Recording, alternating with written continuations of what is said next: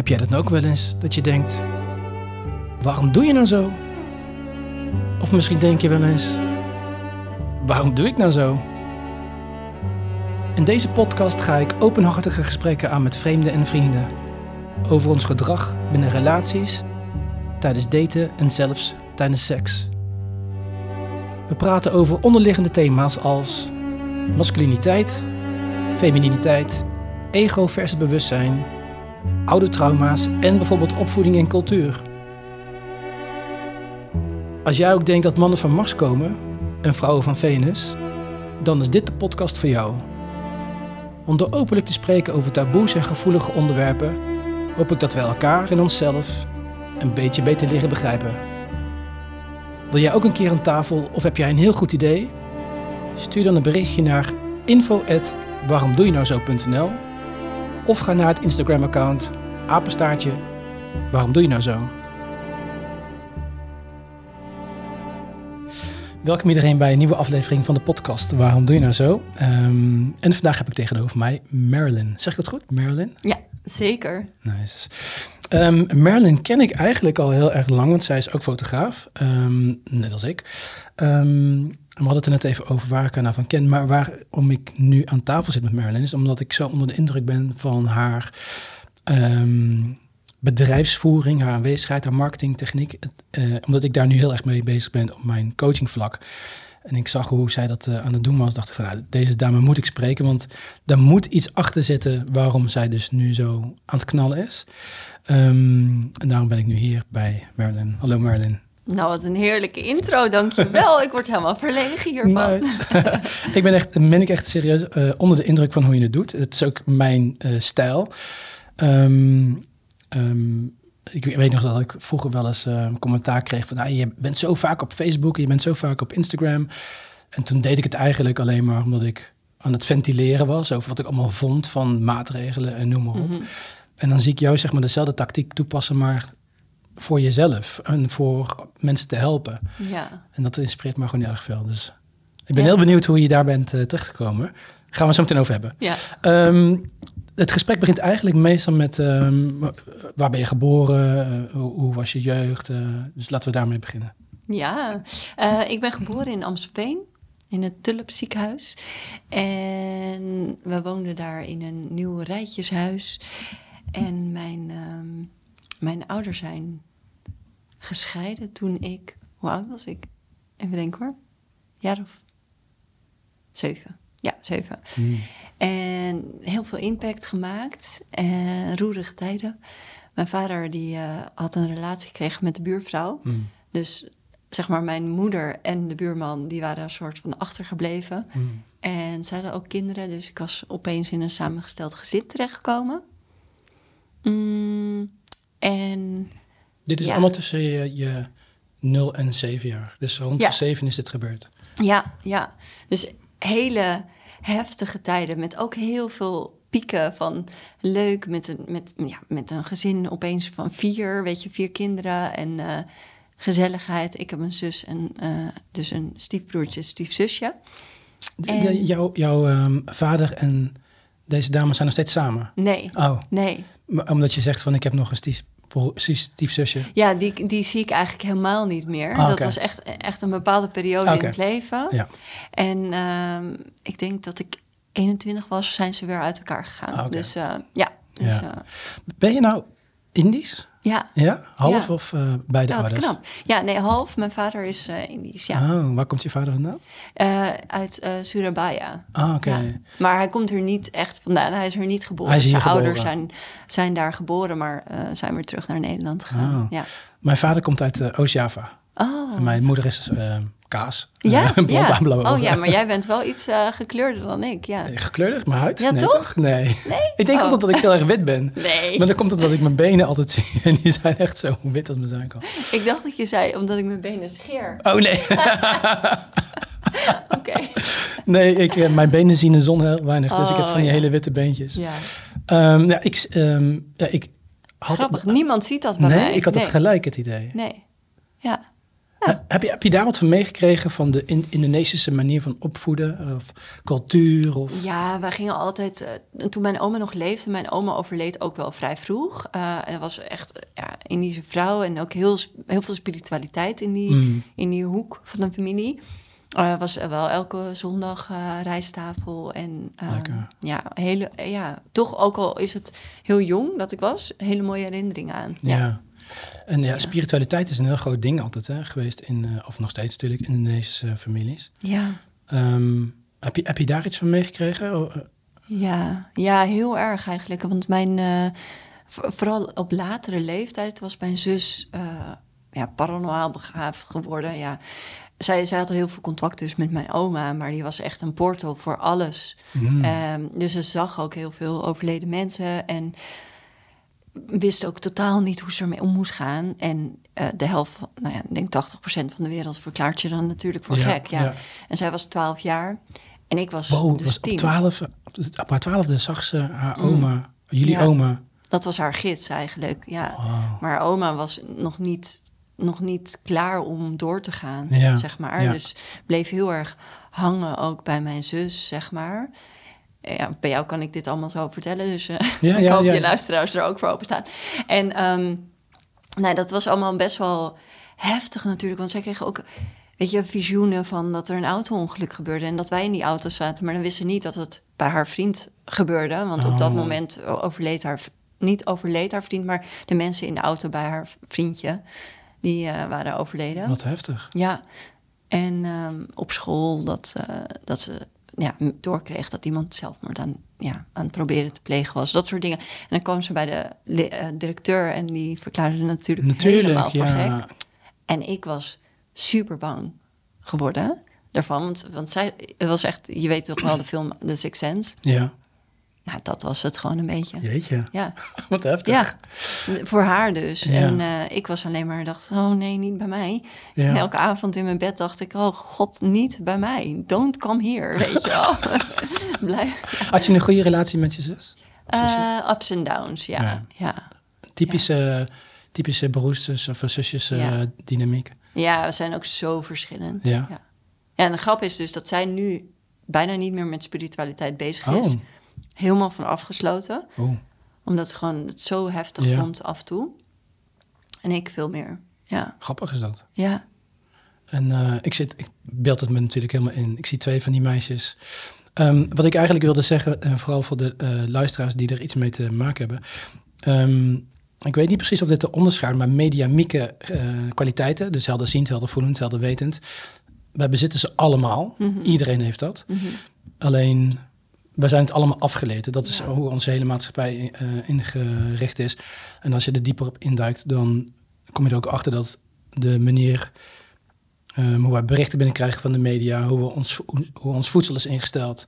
ehm, het is allemaal zeg maar verdovend aan het werken om die mediamieke eh, kwaliteiten niet meer te ervaren of te, te ge- kunnen gebruiken. Maar wat ik wilde zeggen, dat, dat zag ik dan even voor me. Stel nou dat je ziet dat je kind het dus wel heeft. Omarm het dan en, en, en, Mhm. en cultivate het dan. Cultiveer Ja. het dan. Want, ehm, en je kunt het ook bij jezelf. Ik ben bijvoorbeeld echt... ehm, nou, ik vind het ook wel gek om te zeggen dat ik helderziend ben. Mhm. Maar ik zie gelijk dingen bij mensen. Of ik zie, als ik nou een coaching traject doe...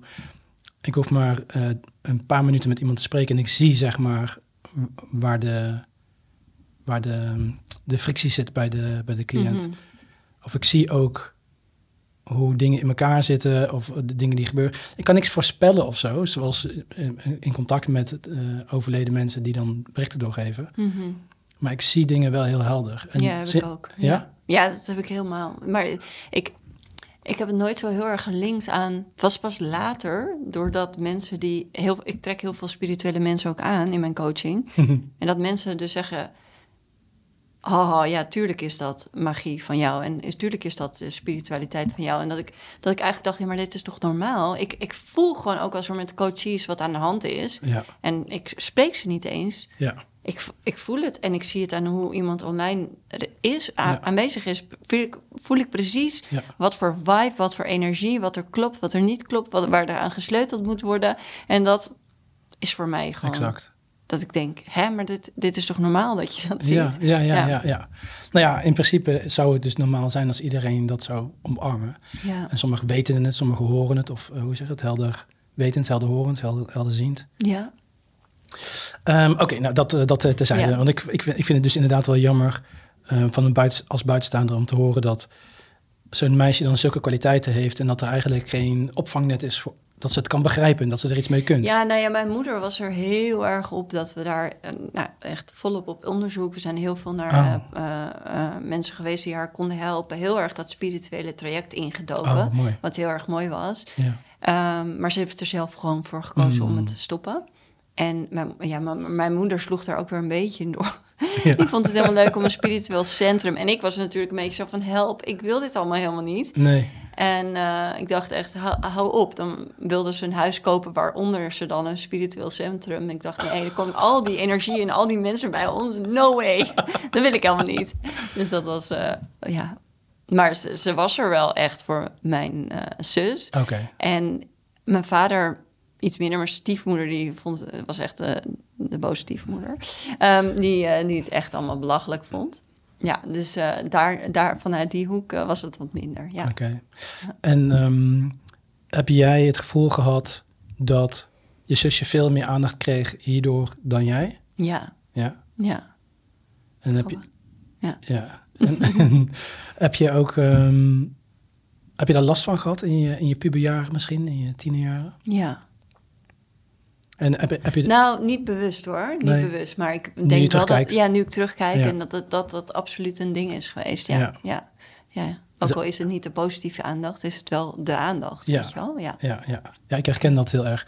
Niet dat ik een, eh, een broertje had die meer aandacht kreeg, maar ik herken wel dat op het moment dat je niet de aandacht krijgt die je nodig hebt, Mhm. dat dat effect gaat hebben op je tienerjaar. Bij mij had het heel erg effect. Ik ging ja. van alles doen om aandacht te krijgen. En dat heeft heel mijn leven eigenlijk doorgecijpeld. Totdat ik erachter kwam waarom ik dat aan het doen was. En dan kon ik het omdraaien dat het vanuit een puurdere plek kwam. In plaats van gezien willen worden. Ik moet gezien worden, ik moet gezien worden. Ja. En dan van alles maar gaan doen om gezien te worden. Onbewust, hè? Mhm. Mhm. Dat was bij mij in ieder geval het... eh, ja. Ja. En hoe was het bij jou in je tienerjaren? Wat dat ik dacht, ik Ja, moet je- gezien worden? Ja, of nee, hoe, hoe dat eh, tot uiting kwam. Dat je dus... Hmm, nou, weet niet zozeer of ik dat in mijn tienerjaren echt heel erg deed. Ik was wel, ik was wel ehm, een soort van het populaire mensje, meisje van school. Ja. Ik doe ne- nu net alsof ik daar geen invloed op heb gehad of zo. net ik dat zeggen. per ongeluk aan het Ik doen wou was. net zeggen. Ja, Ja. ja. Nee, dat was wel een soort besluit. Dat was wel grappig, want ik lag toen... Ik weet nog wel dat ik dan van de basisschool naar de middelbare school ging. En toen lag ik ergens in een tentje. En toen besloot ik gewoon van, ik ga vet populair. Net zoals waar, wij hadden het net natuurlijk Ja, erover. ja. Van, ik besluit gewoon dat ik dit ga doen. Ik besluit gewoon dat ik fotograaf ga worden... en dat ik fucking goed ga worden. Ja. En, ja, Ja. ja, dus ik besloot gewoon, ik word een populair meisje. Dit is super interessant, want het, wel, in het voorgesprek hadden we het inderdaad over. Later in de podcast gaan we het er uitgebreid over hebben. Maar het beslissen dat je een bepaald doel wilt, een bepaalde situatie, een bepaalde persoon wilt gaan zijn of worden. Ja. En dat het ook echt manif- manifesteert. Je geloofde het gewoon echt helemaal. Je was, gewoon, je was blijkbaar klaar met. Ja, de- ik geloofde, ja, inderdaad, ik geloofde het, maar het, was, het is gewoon altijd een keus. Ja. En, en de, on- onze programmering is tot hoe we zijn, is dat we denken dat we niet kunnen veranderen eigenlijk. Ja. Dat, en ook hoe we geprogrammeerd zijn, is dat we denken dat verandering ook ontzettend ingewikkeld moet zijn. Ja. Dus dat je eerst door allerlei diepe dalen en ingewikkelde eh, processen heen moet gaan voordat jij dan veranderd bent. Mhm. Maar ik, daarom hamer ik altijd, altijd bij mijn coaches en iedereen erop.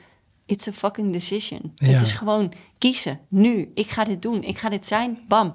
En dan, dan volgt de rest vanzelf. Ja, Ja.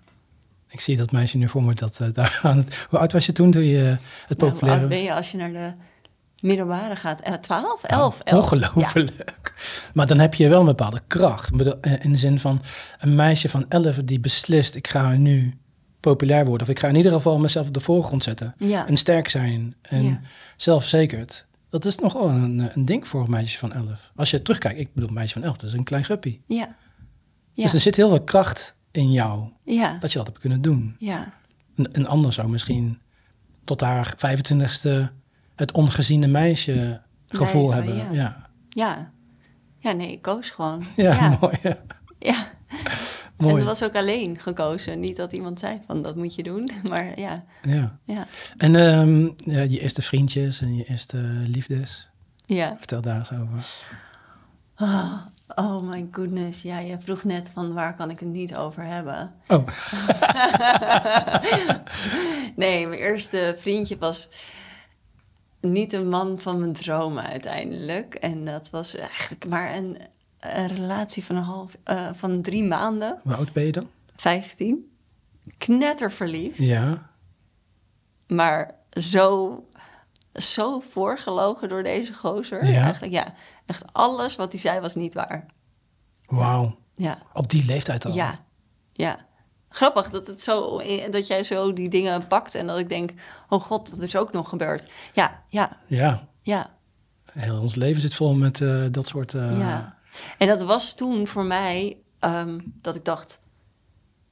Weet je, je bent 15, dan denk je echt, eh, de wereld stort in. Dus Mm. mijn wereld stortte ook echt in. Ik heb echt bij R. Kelly eh, die, eh, lopen jenken.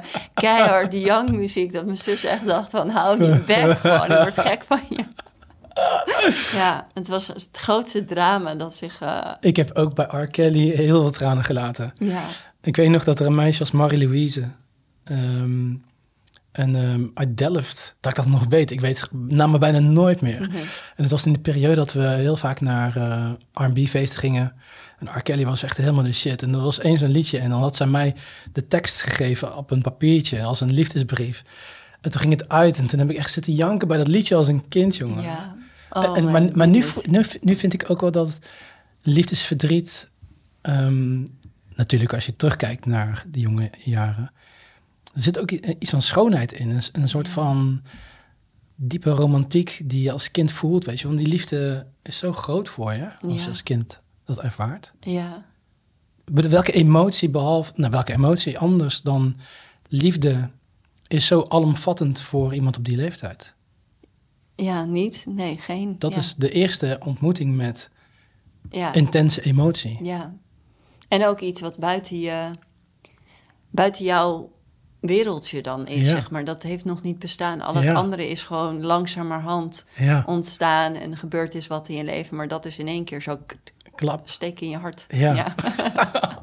oh, Oh, medelijden met de jo- jonge ikjes. Ja. Ja. Ehm, en en eh, heb je dat eh, vaker meegemaakt in de relaties daarna? Dat, eh, dat je voorgelogen werd? Of dat? nee, nee, nee, nee. dat was alleen die ene Nee, want dan maak ik ook wel een beslissing van ik ga nu de juiste gozer Oh. Nou, ik moet eerlijk zeggen dat ik nog een keer een hele liefde, liefde gevoeld heb voor iemand die in een relatie zat op dat Mm. moment. En ehm, daar heel lang op verliefd ook ben gebleven. Mm. Weet je wel, dat is zo on, onbereikbaar. En eh, ja, en, maar toen had ik wel besloten van ik ga nu, dit wordt, daarna wordt het gewoon Ja. een betrouwbare, leuke, leuke normale gast. Bizar dat je gewoon daarvan kan kiezen. Ja. Dus dat je op die leeftijd dat soort keuzes kan maken. Ik vind het eigenlijk best wel indrukwekkend. Ehm, want bijna iedereen die ik spreek maakt wat mee in zijn jeugd. Heeft daarvan de gevolgen. Dus eh, creëer patronen. Kies telkens de, eh, de partner uit die die patronen weerspiegelt. Mhm, mhm. Dus weet je wel, niet gezien worden of eh, een beetje achtergesteld zijn in vergelijking tot je zus. Oké, dan kies je dus partners uit die je telkens het gevoel geeft dat je niet gezien wordt. Dat is zeg maar de standaard riedel. En jij kiest er elke voor om uit dat riedeltje te stappen voordat het te veel wordt. Ja. Oké, één keer meegemaakt. Oké, dit is niet nog een keer. ja, omdat het bewustzijn daarvan ook is. En ehm, ik denk gewoon dat ik al heel snel... Wat, waardoor ik dus coach ben geworden... en waarom ik dit ook zo ontzettend fijn vind om te doen, Ja. denk ik. Ehm, dat is een heel eh, soort van openbaring. Maar ehm, is omdat ik vroeger altijd zag, bij mijn ouders bijvoorbeeld... wat er misging in ruzies. En dat ik met hun probeer, echt in met man en macht... probeerde te kijken van... dit is wat je anders zou kunnen doen. Ja. En dan heb je een ander effect, weet Ja. je wel, in je leven, in, in alles. En of course, nobody who loves you is gonna listen to any advice, Ja. weet je wel. En dat is, dus dat is, voor mij was dat ook een mega frustratie. Ik zag de oplossing. Ja. Ik zie de oplossing, maar ze wilden niet luisteren naar mij. Natuurlijk niet. Ik bedoel, en zeker in, in woede of als je emoties hoog zijn, dan is je intelligentie ook een beetje laag. Dus, Mm. Maar daarin is een soort verlangen ontstaan om mensen te helpen met een verandering. En ik zie gewoon waar zit de verandering bij jou, waardoor je echt een veel beter leven kan krijgen. Ja. Dat had je op die leeftijd al. Ja, Wauw. daar was ik altijd, ja, daar was ik altijd Ja. mee bezig. Van, oh, als je nou even, je Ja. ga nou even hier aan Ja. sleutelen. ja. En heb je daar wat mee gedaan op die leeftijd? Nee, op die leeftijd niet. Ja, met ze praten. Ja. Ja, maar niet zeg maar, je bent niet eh, een bepaalde job gaan ambiëren of gaan solliciteren ergens of een bepaalde opleiding gaan doen die daar. Nee, want dit was, dit was echt dat ik jong, jong, jong was. Ja, Hè? Eh, ja. Gewoon een jaar of tien of zo. Oh, tien al. Ja. Oh ja, ik zat nog even bij je 15 jaar. Ja, nee, nee, nee. Dit was echt al eh, veel jonger. Al vanaf nou ja, dat ik het kon begrijpen of zo. Dan Ja, ging ik mezelf in de strijd gooien om ertussen te staan en bizar. te snappen. Ja, ja. Bizar. Geloof je in, eh, in, eh, in meerdere levens en Ja, in reïncarnatie? zeker. Ja, Het, het voelt voor mij heel erg als een eh, reïncarnatie van... ehm, dat die wijsheid niet van het kind is, maar vanuit een vorig leven. ja. 100 procent. Ja. Ja. Het is wel grappig. Ik had, toevallig had ik het laatst met mijn man en zwager erover. En mijn zwager is zo'n iemand die soort van in de regels nog heel erg, weet je wel, de regels veel meer volgt. En ook, nou ja, daar anders in staat dan wij, hoe wij Ja. erin staan. En, ehm, en die geloofde dus ook wel in reïncarnatie. En wat vet is, ik heb twee kindjes. Ik heb een kindje van zes, Olivia, en een zoontje van negen, Tom. Een tijdje terug stond eh, Olivia, ik denk, nou, toen was ze misschien vijf. Stond ze zo en zei ze, ja, maar ehm, als je doodgaat, dan word je weer opnieuw geboren en kom je in een ander leven. Maar ik heb dan al heel veel geleerd. Hmm. Zes, maar echt in één keer, out of the blue. Weet Ja, je wel, zo ja. heel wijs. En wij zaten echt zo, ja, ja, ja, dat is waar. Toen dacht ik, hè? Hoe kom je aan deze informatie eigenlijk, weet je wel? En toen een keer daarna zat ze tegen mijn man. Toen was, toen was mijn man boos, boos op haar geworden om iets. Oh. Zij was aan het huilen. Hmm. En zegt, ja, als jij straks in een nieuw leven weer een kindje bent... vind jij dat ook niet leuk als jouw papa dat tegen jou doet? Echt zo van... Fucking wijs. Dit is echt... eh, Wijs. ja, grappig hè? Zo ja. mooi is dat. Ja. Kinderen zijn zo puur. Ja. Ehm, ja, en ik weet ook zeker dat ik met haar in een vorig leven... ja, Ja. Met, met je dochtertje? Ja, 100 procent. Wij zijn Oh, wauw. zo in elkaar... Er is iets. Er is iets. En eh heb ik ook wel veel werk op gedaan. Want er is ook iets dat we elkaar verloren zijn in een vorig leven. Oh, Dus dat voelen we ook allebei. wow. die- Ja. Die wil ik meer van weten. Oké, nou, hoe... eh, ja, dit zijn de dingen. Ja, ja, ja. ja. Ja. Hoe, hoe, ehm, wat, wat was je eerste ervaring daarmee? Dat je, dat, dat je hierin over na ging denken. Wat was er gebeurd? Nou, ehm, zij was al vanaf... Ze was een super makkelijke baby. En ehm, vanaf dat ze een jaar of één was, werd het allemaal ingewikkelder. Hmm. Maar was het op een gekke manier dat als ik er was, dat ze heel veel moest huilen. Hmm. En toen heb ik ook een keer ergens een sessie gedaan of zo. En toen zei zij ook tegen mij, ze wil je iets zeggen en ze wil een boodschap of weet ik veel wat, er is iets. Ik dacht ook, dit, er is niks fysieks met haar aan de hand. Er, als zij bij, mij, bij, me- bij de opvang of ergens anders was, ik hoefde maar de deur in te stappen en ze ging huilen. Maar ze was wel super attached, weet je wel, aan mij. Oh, wow. Dus ehm, als mijn zoontje dan bij mij kwam liggen even... Nou, vanaf dat ze elf maanden was, kon ze al aangeven van... ik wil bij haar liggen, ik wil Oh. bij mama. Dus eh, best wel ook jaloers, zeg maar. Ik denk de hele tijd, wat is dat? En toen op een gegeven moment, toen... ehm, ja, dromen en gewoon een soort van, een soort van angst of zo... dat er iets met, met haar gebeurt ook. En zij heeft dat ook naar mij toe. Oh, Maar eh, vanaf dat ze het uit kan spreken, is dat er. ja. Dus ik eh, heb daar werk op gedaan met Touch of Matrix ook. En ik kwam eigenlijk uit. Het wordt niet zo heel erg. Ik bedoel, ik moet ook niet willen weten wat het precies allemaal is. Nee. Maar er kwam uit dat het iets in een vier, vier levens terug. Vier levens Ja. terug. En dat zij ook mijn moeder was in dat Wow. leven. Ja. Ja. Dat zij ook je moeder Ja. was. Ja. Wat, wat, wat voelde je daarbij toen je dat hoorde? Wat Ja, toen dacht ik wel, dit klopt. Want ik, zeg maar, in die sessie viel ik ook gelijk naar achter toen die, dat, die vraag werd gesteld. En zij heeft het zelf ook een keer tegen mij gezegd. je? Je dochtertje? Ja, ja. Hoe, hoe oud is ze nou? Ze is nu zes. En in, in die zes jaar heeft ze dat een keer tegen jou gezegd? Nee, nee, nee. Mijn Oh. dochtertje heeft gewoon in, gewoon in een normaal... dan zegt ze opeens dingen. En dan toen heeft ze een keer gezegd... gewoon, ja, het is net als we met poppen spelen... weet je wel, dat je een Ja, verhaaltje verzint. Dus je kan ook denken van, ja, dit is... Het zal wel. Ja. Maar toen ja, kwam het een keer ter sprake... dat we het Bizar. hadden over een vorig leven. En dat zij zei van, ja, het, dat ik zei van... wie was je dan? Jouw mama.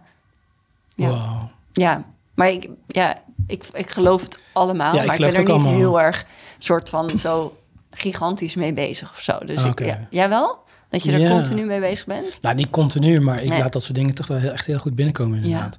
Ja. Ik heb het op deze manier, zoals jij het nu vertelt, nog, niet meegemaakt. Dat iemand tegen mij zegt van... eh, of dat, eh, ik- dat iemand uit mijn vorige levens of zo... eh, Nee. nee. Maar ik vind het heel indrukwekkend als je hele jonge mensen, kinderen... Daar zo helder soms in kunnen zijn. Ja. Dat je als volwassen eigenlijk daarna kijkt van... Oh, waar komt het vandaan? Ja. Ja. Dan is het zo puur. ja. Ja. En dan denk je ook, dan is er ook iets in jou dat wil zeggen van, oh ja, nou, het zal wel, weet je. Ja. Dat heb ik dan een beetje. Ja. Ja. Zo zijn we ook, ook geprogrammeerd. Ja. Al die spirituele dingen die mogen er niet zijn. Doe maar Mhm. eh, normaal, dan doe je gek genoeg. Mhm.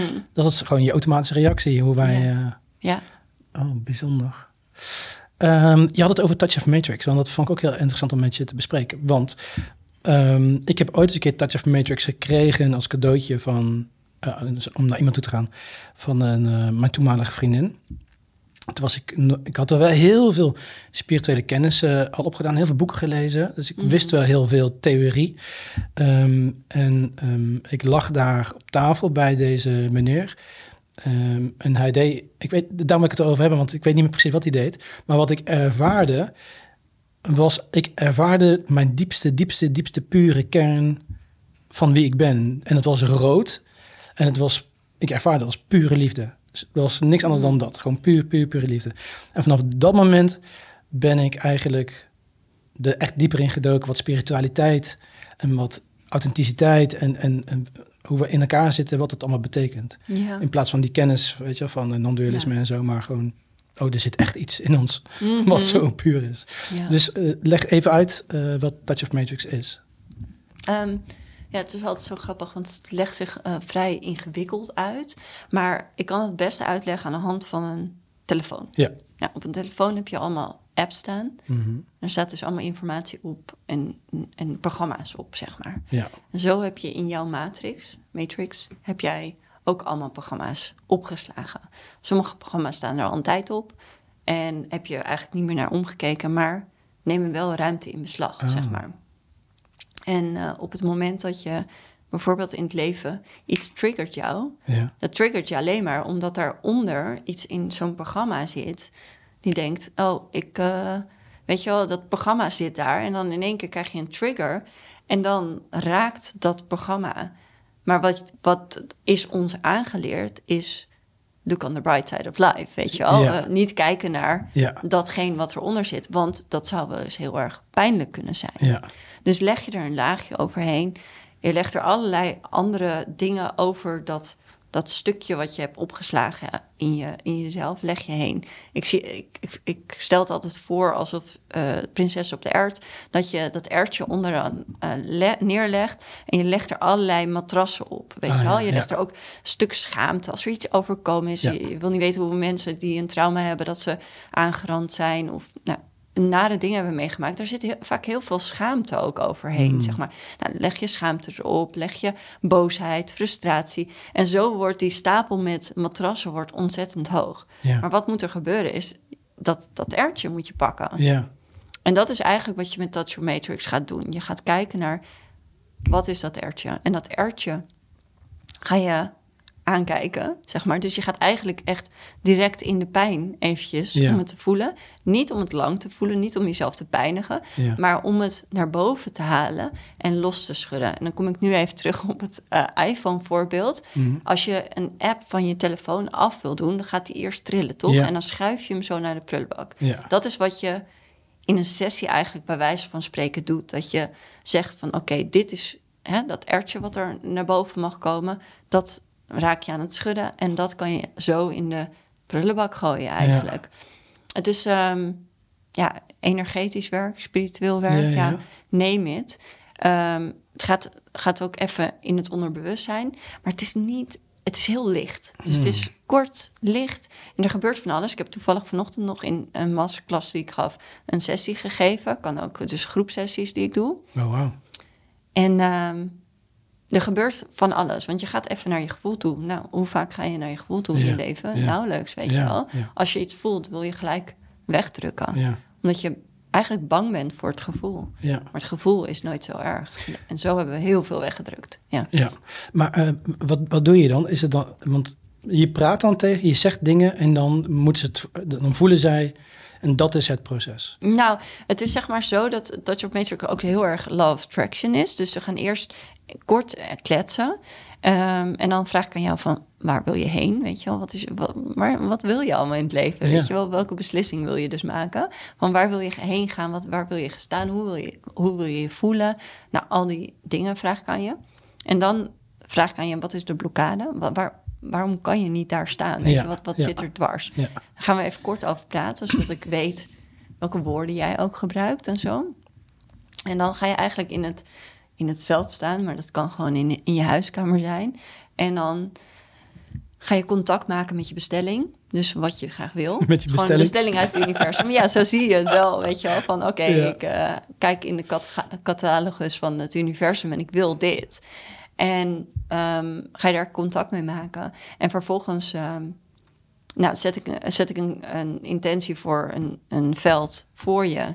En daar staat dan de blokkade in. En dan knip ik hier de blokkade in. Het is, het is, ja, ik weet niet of je dat wel eens hebt gedaan met, met dat je echt energieën in een veld knipt. ja, Ja, nou ja, dan knip je dus dat, die energie in dat veld en dan zet je een stap in dat veld. En dat is bizar wat er gebeurt dan. Ja. Mensen slaan voorover of weet je, huilen in één keer. Of weet je, voel je van alles in je lijf. ja. Nou, dat, dat voel je dan in plaats van dat je, ja, dan, dat laat je er zijn. En dan vervolgens ga ik eh, dat met jou, bij jou wegknippen. Dus dan ga ik eh, jouw woorden ook gebruiken van, oké, alles op emotioneel gebied, alles wat daar zit, alles wat je verdriet heeft gegeven, dat mag er allemaal af. En dan Ja. knip ik er af en dan voel je gewoon in één keer dat het Mm, uit mooi. je lichaam aan het zakken Ja. is, zeg maar. En alles wat er gebeurt op spiritueel niveau, op ehm, mentaal niveau, mag er allemaal af. En tussendoor gebruik ik ook heel vaak eh, ja, grappige dingen. Ik eh, ging, ging net met een schaar ging ik knippen, zeg maar. En, of eh, weet ik veel, de minions die komen en die gaan in je lijf iets schoonmaken, weet je wel. Ik maak er heel verhaal van, want als je die creativiteit gebruikt en die fantasie... Ja, Ja, en, er, en mensen als ze in een proces zitten, komen ook met hele mooie beelden door, weet je. En dan Ja. komen hele mooie downloads bij mensen binnen.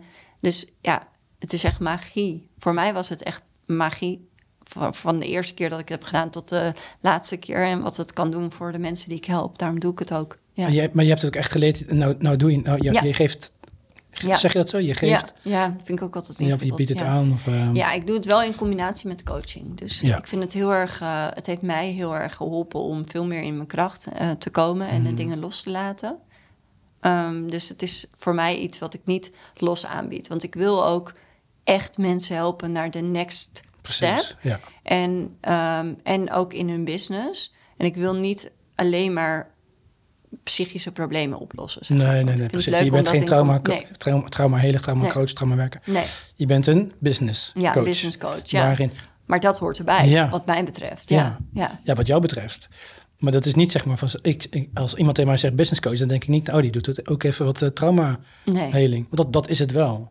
Ja. Want in de, eh, in de opleiding die ik gedaan heb over eh, transformatief coach, wat puur gaat over traumawerk, dan staat eronder dat je heel goed kan samenwerken met mensen die een aantal services aanbieden. Je hebt EMDR en je hebt, noem maar op, maar Touch of Matrix staat erbij Ja. als een trauma heling Ja. principe. Ja. Dus het, is, het sluit heel erg aan bij wat ik doe natuurlijk. Ja. Maar je, je bent wel, je pakt het in het business coaching Ja. eh, pro- eh, programma of aanbod. Ja. Ja, maar het is, het is met je in je business, ja, het gaat, waar we het net ook over hadden, gaat over gezien worden en jezelf toestaan dat je gezien mag worden. Ja. En dat je ergens voor mag gaan staan. En eh, ja, als ik met iemand werk, dan werk ik ook wel op psychische vlak, zeg maar. Want, Ja. ja, kwam, komt wel eens uit dat je bijvoorbeeld gepest bent in het verleden of dat er, dat er iets gebeurd is. En nou, als dat er dan uit is, dan sta je opeens veel lichter. Ja. En dan kan je vanuit die lichtheid... ja, wat je nou net zegt, ehm, ik zie dan gelijk die link naar dat meisje met, die, met dat zusje wat eh, meer aandacht kreeg dan zij. Mhm. Want je zegt als je dus meer gezien wilt worden, je mag er zijn en je mag er Mhm. staan. Dat is eigenlijk wat je tegen dat eh, jonge Merlin meisje zou zeggen, Ja, die naast het zusje staat van hé, hey, je mag er zijn, je mag er staan. ja, En dat ben je dus nu aan het uitvoeren en het beleven. ja, En je bent daar zo goed in geworden dat je dat ook nog eens een keer coacht aan mensen en aanbiedt aan mensen. ja. Ik vind het wel mooi. Ja. Een, een mooie, Ja, grappig. Hè? ja. Ja, mooi. ja.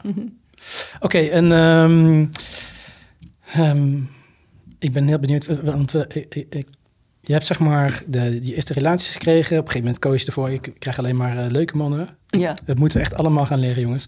ik kies dat ik gewoon hele eh, leuke vrouwen of hele leuke mannen krijg. ja maar het, het is niet zeggen.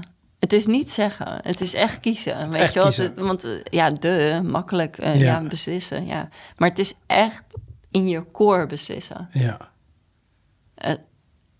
Ja. Ik ben zo benieuwd wat jij in andere levens bent geweest. Want wat je nu eigenlijk zegt is inderdaad law of attraction. Uh, Als je het gewoon echt kiest. Ja. Als je echt tegen het universum zegt... dit is mijn manifestatie, ik geloof hierin, dit verdien ik, dit krijg Mm. ik, dit heb ik eigenlijk al. Ja. Ik leef alsof ik het heb, want ik heb het. En dan krijg je het. Dat, dat is een heel, dat is, dat is iets waar mensen eh, achter in de 40 achterkomen hoe dat werkt. En dat deed jij zeg maar als kind al. ja. Dus wie in hemelsnaam ben je geweest in je Ja? Interessant inderdaad. We gaan er eens een onderzoekje op doen. Oh, dat zou leuk Misschien zijn. moet je het aan je dochtertje vragen ze ouder is. Ja. Wie was ik dan? Oké, en ehm, op een gegeven moment krijg je je, je partner, je huidige man. ja. Hoe, eh, hoe was dat? Is, is, is daar een leuk liefdesverhaaltje, een romantische intro? Een beetje, een beetje juice? Nou, we hebben een relatie gekregen. ehm, en ik ging hiervoor, had ik een relatie met zijn beste vriend. Oh, Dus ja, dat is wel eh, dat is... eh, apart. ja. Maar Had je daar een lange relatie mee? of Was Ja. het een, een maand? nee, nee, dat was een lange rela- Oh. relatie. Ja, ja. Maar we zijn, we zijn nu zo goed ook met elkaar allemaal. Nice. We staan tegenover elkaar op de camping. En ze zijn op ons huwelijk geweest. Oh. En ja, dus het is Mooi, heel mooi verlopen eigenlijk uiteindelijk. Ja, ja. ja. En een veel betere match. En hij ook. Ja, Ja? dus ja. Maar geloof jij ook dat, ehm, dat geloof jij, dat mensen in je leven komen omdat ze wat brengen? Ja, tuurlijk. Ja. Dus hij kwam je wel brengen, Ja. of leren, of ervaren? Ja, ja, ik denk dat hij was veel meer ehm, helemaal niet spiritueel. Mm. En eh, veel meer mij grounden of zo. Want ik weet wel dat ik als jonger, jonger meisje was ik al ontzettend veel bezig met de zin van het leven, zeg maar. Mm. Eh, echt de meest heftige gedachten ook over ja, het, het kwantumveld eigenlijk al. Terwijl ik niet eens wist dat het het kwantumveld was. Maar ook over, ja, en mij een soort van... ik heb het laatst met een coachie over gehad die ook vrij spiritueel is. Dat je denkt van, ben ik niet de enige? Ja, Snap je? Heb, ja. jij dat, heb jij dat ook? Dat je de, dat je de gedachte wel eens hebt gehad? Ik weet nog wel dat ik dat als jong meisje heel regelmatig had. En het drove me nuts. Maar de gedachte dat je de enige was... en dat dit spel om jou heen draait. Exact die. ja? Exact die. Alleen bij mij was het een, een andere, een andere vertaling. Ik heb als, als jong kind heel vaak de gedachte gehad dat ik het enige levende wezen was en alles om me heen niet levend was, maar robot of, eh, of fake of Oh ja. opgezet. Maar ja, dat, ja, nou maar ja, dat alles een spel robot, ja, maar dat het spel om mij heen draaide. Want ik dacht, ja, dit is wel heel erg weird. Dat ik alleen maar mijn eigen gedachten en mijn eigen zijn kan voelen en zien. En dus iedereen om me heen niet. En Mm, ja, ja. als je erover na gaat denken weer, dan denk ik, wat de fuck, echt. Nou, eh, in, ehm, in het traumawerk wat ik, eh, wat ik doe, leg ik eh, cliënten altijd uit dat alles wat in, de, in je buitenwereld gebeurt, dat is een reflectie wat er in je gebeurt. Mhm. Ehm, een, een leuk voorbeeldje is dat ehm, iedereen die jou kent, die Marilyn kent, heeft een andere versie in zijn hoofd of in haar hoofd dan jij in jouw hoofd. Iedereen Ja. heeft een eigen versie gemaakt. Mhm. En daarin zit zeg maar het antwoord. Iedereen heeft een versie gemaakt zelf van jou. Dus het is een eigen creatie van wie jij bent. Dus zij creëren alles in hun hoofd Ja. wat zij ervaren. Zij creëren de auto in hun hoofd, zoals zij die auto ehm perceive, hoe zeg het? Ontvangen. ontvangen, ja, zien. Eh, jij en ik, mensen die ons zien, ze hebben allemaal een eigen creatie van wat ze zien, dus ook van ons. En toen ik dat ehm, voor me zag, toen dacht ik van, oké, maar dat is zeg maar hetzelfde als dat je denkt dat je als enige eh, levend bent in, in de, als, je- als Nou, jong ik vind, dat, ik vind dat, dat als je als enige levend bent, dat vind ik wel wat verder gaan dan dat. Want het, voor mij is het logisch dat iedereen een anders deeltje eh, van de waarheid maakt, wat niet per se jou, jouw perceptie van mij Ja, ja. en de perceptie van mijn man van mij is dag en nacht verschil natuurlijk. Exact, ja. Maar het feit dat jij mij dit nu vertelt, ik had toen echt gedacht van, ja, maar dit, doe je, dit zeg je nu gewoon. zodat, je, ja, zodat je me op andere gedachten kan brengen. Psycho. Maar je bent in ieder geval aan het exploreren als kind van, oké, maar hoe werkt die wereld in elkaar? Dat Ja. was waar je mee bezig was. Ja. Ja. Heb je een, een spirituele ervaring gehad op je, op je... Want ik heb, ik heb een herinnering aan mijn eerste spirituele ervaring... maar ik wil eerst horen of jij die ook had. Mm. Op jonge leeftijd, iets, eh, iets, iets heel geks of zo. Mm. Ja, genoeg met mijn zus. Ja, maar van jou zelf. van hè? mijzelf dat ik iets uh, Ja. ervaarde op jongere leeftijd. Uh, Dat, je, dat je dacht van, hé, maar dit is niet aards. Of dit is niet, zeg maar, wat ik normaal gesproken meemaak. mm, mm. Vertel eerst even jou eens. Ja. Ik was een jaartje of, um, ik denk vijf. Misschien iets, iets ouder, vijf, zes. Um, en ik zat op de stoep bij mijn oma in Breda, op de stoep. was hartje zomer. Die zomers waren toen nog knetreed. 30 graden was normaal. Mm -hmm. um, het was doodstil. Al mijn vriendjes waren weg. Uh, en ik zat op stoep eigenlijk een beetje te, te denken... wat ga ik zo moeten doen? Van velen, ik weet het niet. En op het moment dat ik daar zat... begon zeg maar alles om mij heen... Uh, heb je wel eens dat je, net de Matrix, als je die, die film hebt gezien, toch? De Matrix, en dan zie je al die cijfertjes die naar beneden scrollen, dat is dan zeg maar het beeld. Maar ik zag bolletjes, ik zag allemaal energiebolletjes, of dat, oh, nu ja. weet ik dat energie is, ik zag allemaal bolletjes, bolletjes. En alles om me heen, van de bosjes, de straat, de stoep, de auto's, de lantaarnpaal. Aan het einde van de straat was er een gasveld met water. Alles werd één. Er was geen scheidingslijn meer. Het was allemaal één energieveld. Oh. Met allemaal een eigen kwaliteit. Mhm. Mm -hmm. Dus net alsof je zeg maar, uh, hier begint energie op deze frequentie en dan daar, daar wordt iets anders en dan daar wordt iets anders. En elke keer als iets anders werd, dan was het een voorwerp. Maar alles was één. En ik, ik zag geen onderscheid meer tussen uh, mijzelf en de wereld om me heen. Ja, dat is zeg maar non-dualisme. Dus dat alles gewoon van één bron is. Alles is van één energie. We zijn allemaal energie. Het is onlosmakend. Wij denken dat we allemaal los zijn van elkaar, maar we zijn allemaal we zijn allemaal vast aan deze tafel en aan, mm. aan het lucht en zo. Maar op dat moment is natuurlijk niet wat ik nee. zag. Ik zag alleen dat. Ik dacht van, ja, vet. Ja, maar het is je dacht wel vet. Ja, ik vond het wel van, vet. holy fuck, wat nee, scary. Nee, ik vond het wel heel vet.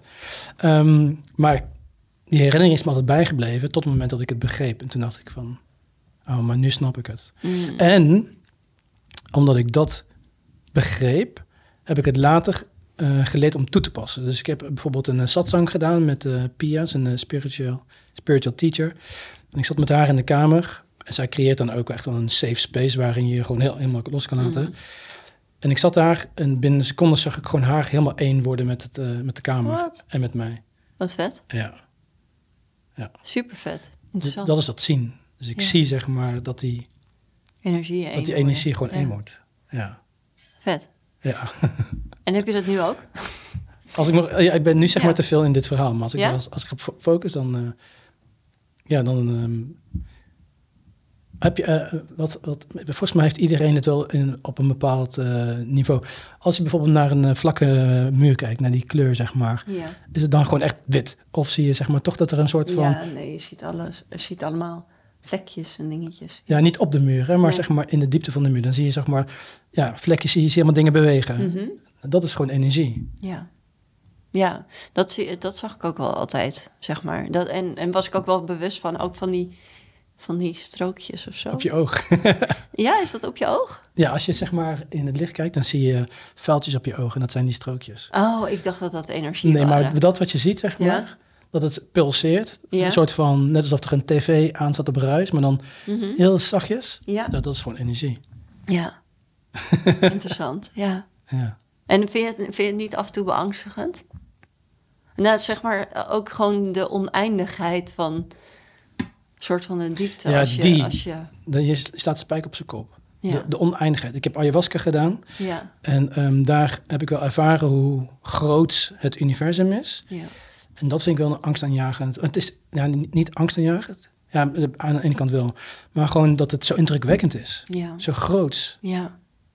Ja, ik we heb daar heel veel angst inderdaad voor gehad ook. En ehm, vorig jaar toen ik echt zo voor mijn gevoel door zo'n spiritual awakening ga- ging... Mhm. toen kon ik eindelijk denken, ik geef me over daaraan. Mhm. Weet je wel? Dat je echt... eh, Ja, het is vaak de angst voor de angst. Weet je wel? Ja. Dat, is, dat, dat is het ergste. Terwijl, net zoals met je shit aankijken... Exact. de angst voor het aankijken van je shit is nog veel erger... en duurt veel langer en draag je al die jaren met je mee. Ja. Ja, dat vind ik ook wel zo interessant aan ehm, wat, wat er hier gebeurt, weet je wel. Dat we, ja, ik weet niet hoe jouw perceptie is op eh, psychologen en zo. En dat het ellenlange gepraat, zeg maar, over Hmm. je probleem. Daar heb ik altijd een beetje een soort eh, Ja. aversie tegen, zeg maar, de laatste, de laatste jaren. Ehm, ons wordt heel erg aangeleerd dat als we onze shit aan moeten kijken, dat dat, dat, dat heel zwaar moet ja. zijn. Ja. Of in ieder geval heel lang moet duren. Heel lang moet Kijk, duren, Kan wel, kan wel, kan wel zwaar zijn eventjes. Kan wel echt door iets heen gaan. Ja. Exact. Maar de verlichting daarna is het zo waard. Exact. En dat is, dat is een beetje wat ons ook volgens mij inge... Waar we ingeluld zijn, zeg Ja. maar. Ja, toch? Ja. Want, en daardoor gaan heel veel mensen het niet aan. Daardoor krijgen we aangeleerd om... Kijk maar niet naar de shit. Ja. Want Maar dat, dan- he- dat heeft ook, sorry dat ik je ontbreek, maar het heeft ook Mm. mee te maken dat het, eh, ons hele systeem, maar, om- qua maatschappij en, en media en opleidingen, het is allemaal zo opgericht dat wij heel makkelijk eh, toegang hebben tot genot, want we zijn pijnvermijdende, pijnvermijdende wezens. ja. Dus we gaan van pijn weg naar genot. Ons hele leven is volgestouwd met genot. Je kan suiker overal vinden, je kan Ja. seks overal vinden, je kan alles, social media, alle genot kan je overal vinden.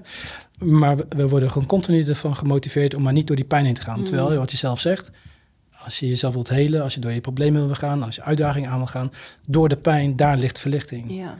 Maar we worden gewoon kapot gemaakt met allemaal wat eh, lekkernijen en verslavingsgevoelige dingen. ja. Eh, alle tv, alle media is continu over. Kijk eens hoe erg het is. Weet je wel, de oorlog, oorlog, oorlog, Mhm. oorlog.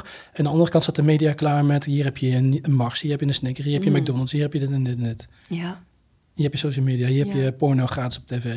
ja. Maar je moet wegblijven van die oorlog. Je moet wegblijven van ja. nieuws die maakt je helemaal gek... wat, er, eh, wat voor angsten er allemaal zijn. Dus Mhm. we worden gewoon geconditioneerd- geconditioneerd. Wij willen gewoon niks met pijn te maken hebben. Nee, maar aan de andere kant zijn we ehm, ook verslaafd aan de angst opzoeken. Dus, dus eh, zeg maar, ehm, het opzoeken van eh, beelden over, over Ja. de oorlog juist weer. Ja, Dus het is eigenlijk dat, dat de angst voor hetgeen wat buiten, wat nog niet eens is, ja. dat dat eigenlijk meer verslavend is dan het, het werkelijk voelen van als het zo Ja. zou zijn. Weet Ja. je wel? Ik weet niet Het of is, het is ook sensatie natuurlijk, hè? Ja, Dus de, de, de, de pijn zien van anderen. Want niemand is verslaafd aan zelf naar oorlog gaan. nee. Iedereen is verslaafd aan het zien van hoe erg het dan is. Het is allemaal sensatie. ja.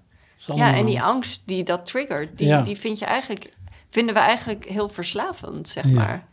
Daarom zoek je het de hele tijd op. En ook is het een beetje, en dat, dat heb jij ook natuurlijk gehad, is een beetje van, oh, als ik het weet, dan heb ik controle. Dat we op zoek zijn naar controle. Ja, Want we voelen angst. En als we dan meer weten, dan hebben we controle. Maar dat is niet nee. zo.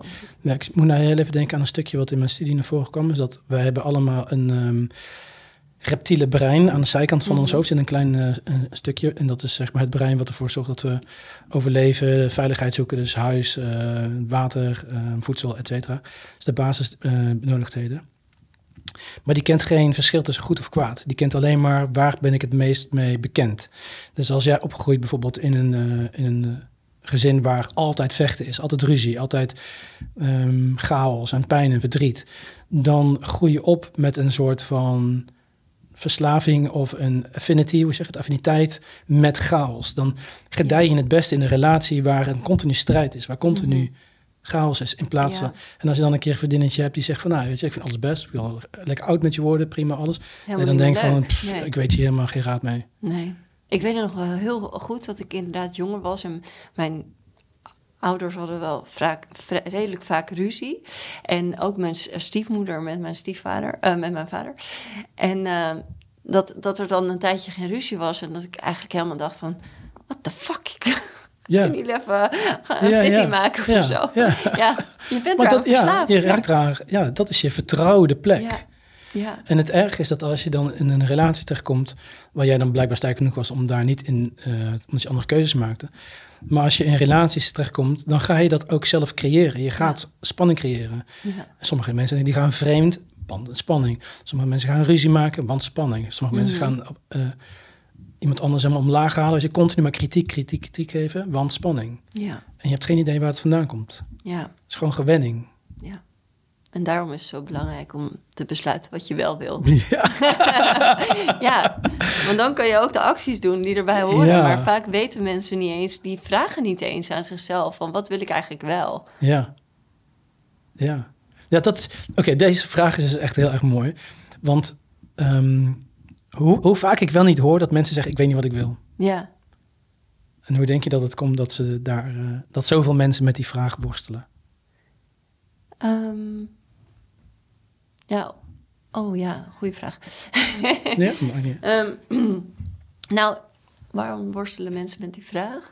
Ben, je, ben je het ermee eens dat, het heel, dat heel veel mensen met die vraag... Ik weet niet Zitten? wat ik wel wil. Nou, ik, ik coach natuurlijk heel veel mensen die hun bedrijf al beter willen maken. Er zitten wel eens mensen tussen die, nog, die bij me komen die nog niet weten wat ze willen. Ehm, en daar, daarvan denk ik altijd, dus als iemand luistert die denkt, ik weet niet wat ik wil, ehm, kom in beweging. Ja. Ga in beweging komen. Ga stappen zetten. Ook al is het niet naar je ultieme doel. Maar ik garandeer je dat je sneller bij iets komt wat je wel wilt. Dan dat je blijft hangen in je verhaal. Dat Ja. je het niet weet. Je gaat het nooit vinden vanuit de gedachte. Want hier hadden we het over voordat we hem opnamen. Ja, je, gaat het, je gaat het nooit bedenken vanuit de gedachte. Ja. Ik weet het niet. Omdat je, je, je lokt je mind in dat je zeg maar, je moet je eh, brein eigenlijk zien als een soort kapitein aan het schip. En je geeft opdracht aan de kapitein. Ik weet het niet. En de kapitein zegt, ah ja, Ja. ik ga ervoor zorgen dat jij het niet weet. Dus die gedachte, ik weet het niet, zorgt ervoor dat er alleen maar nog meer bevestigende gedachten komen. Die bevestigen dat jij het niet weet. Ja. En dan blijf je erin hangen. Dus de eerste stap die je moet maken is dat je een gedachte in je hoofd gaat veranderen. En nou kan ik me voorstellen dat je dan niet gelijk van, oh, ik weet het niet, naar ik weet het wel. Maar als je alleen al de gedachte in je hoofd zet van, ik sta open voor.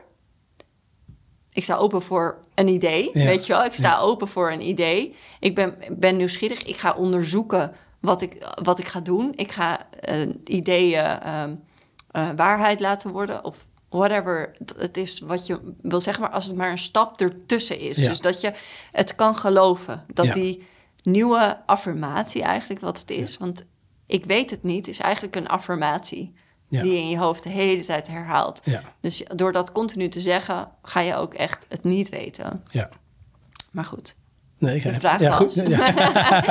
maar dat er heel veel mensen Ja, zijn. Ja, ik denk dat er heel veel mensen zijn die het niet weten. Omdat, eh, waarom? Waarom denk jij? Oké, ja. Wat ik denk. Ja, wat ik gewoon geloof. We zijn allemaal geboren zeg maar, met een hele pure kern en met, eh, en met een ziel. Dat is, Ja. is bij elkaar is dat het higher self. Ehm, maar daarboven hebben wij vanaf kinds af aan dat we op deze aarde zijn eh, geboren en eh, rond gaan wandelen, hebben we allemaal laag opgebouwd. Conditioneringen, Mhm. trauma's, opvoeding, cultuur. Dat is allemaal, zeg maar, het zijn allemaal laagjes die om ons heen zijn.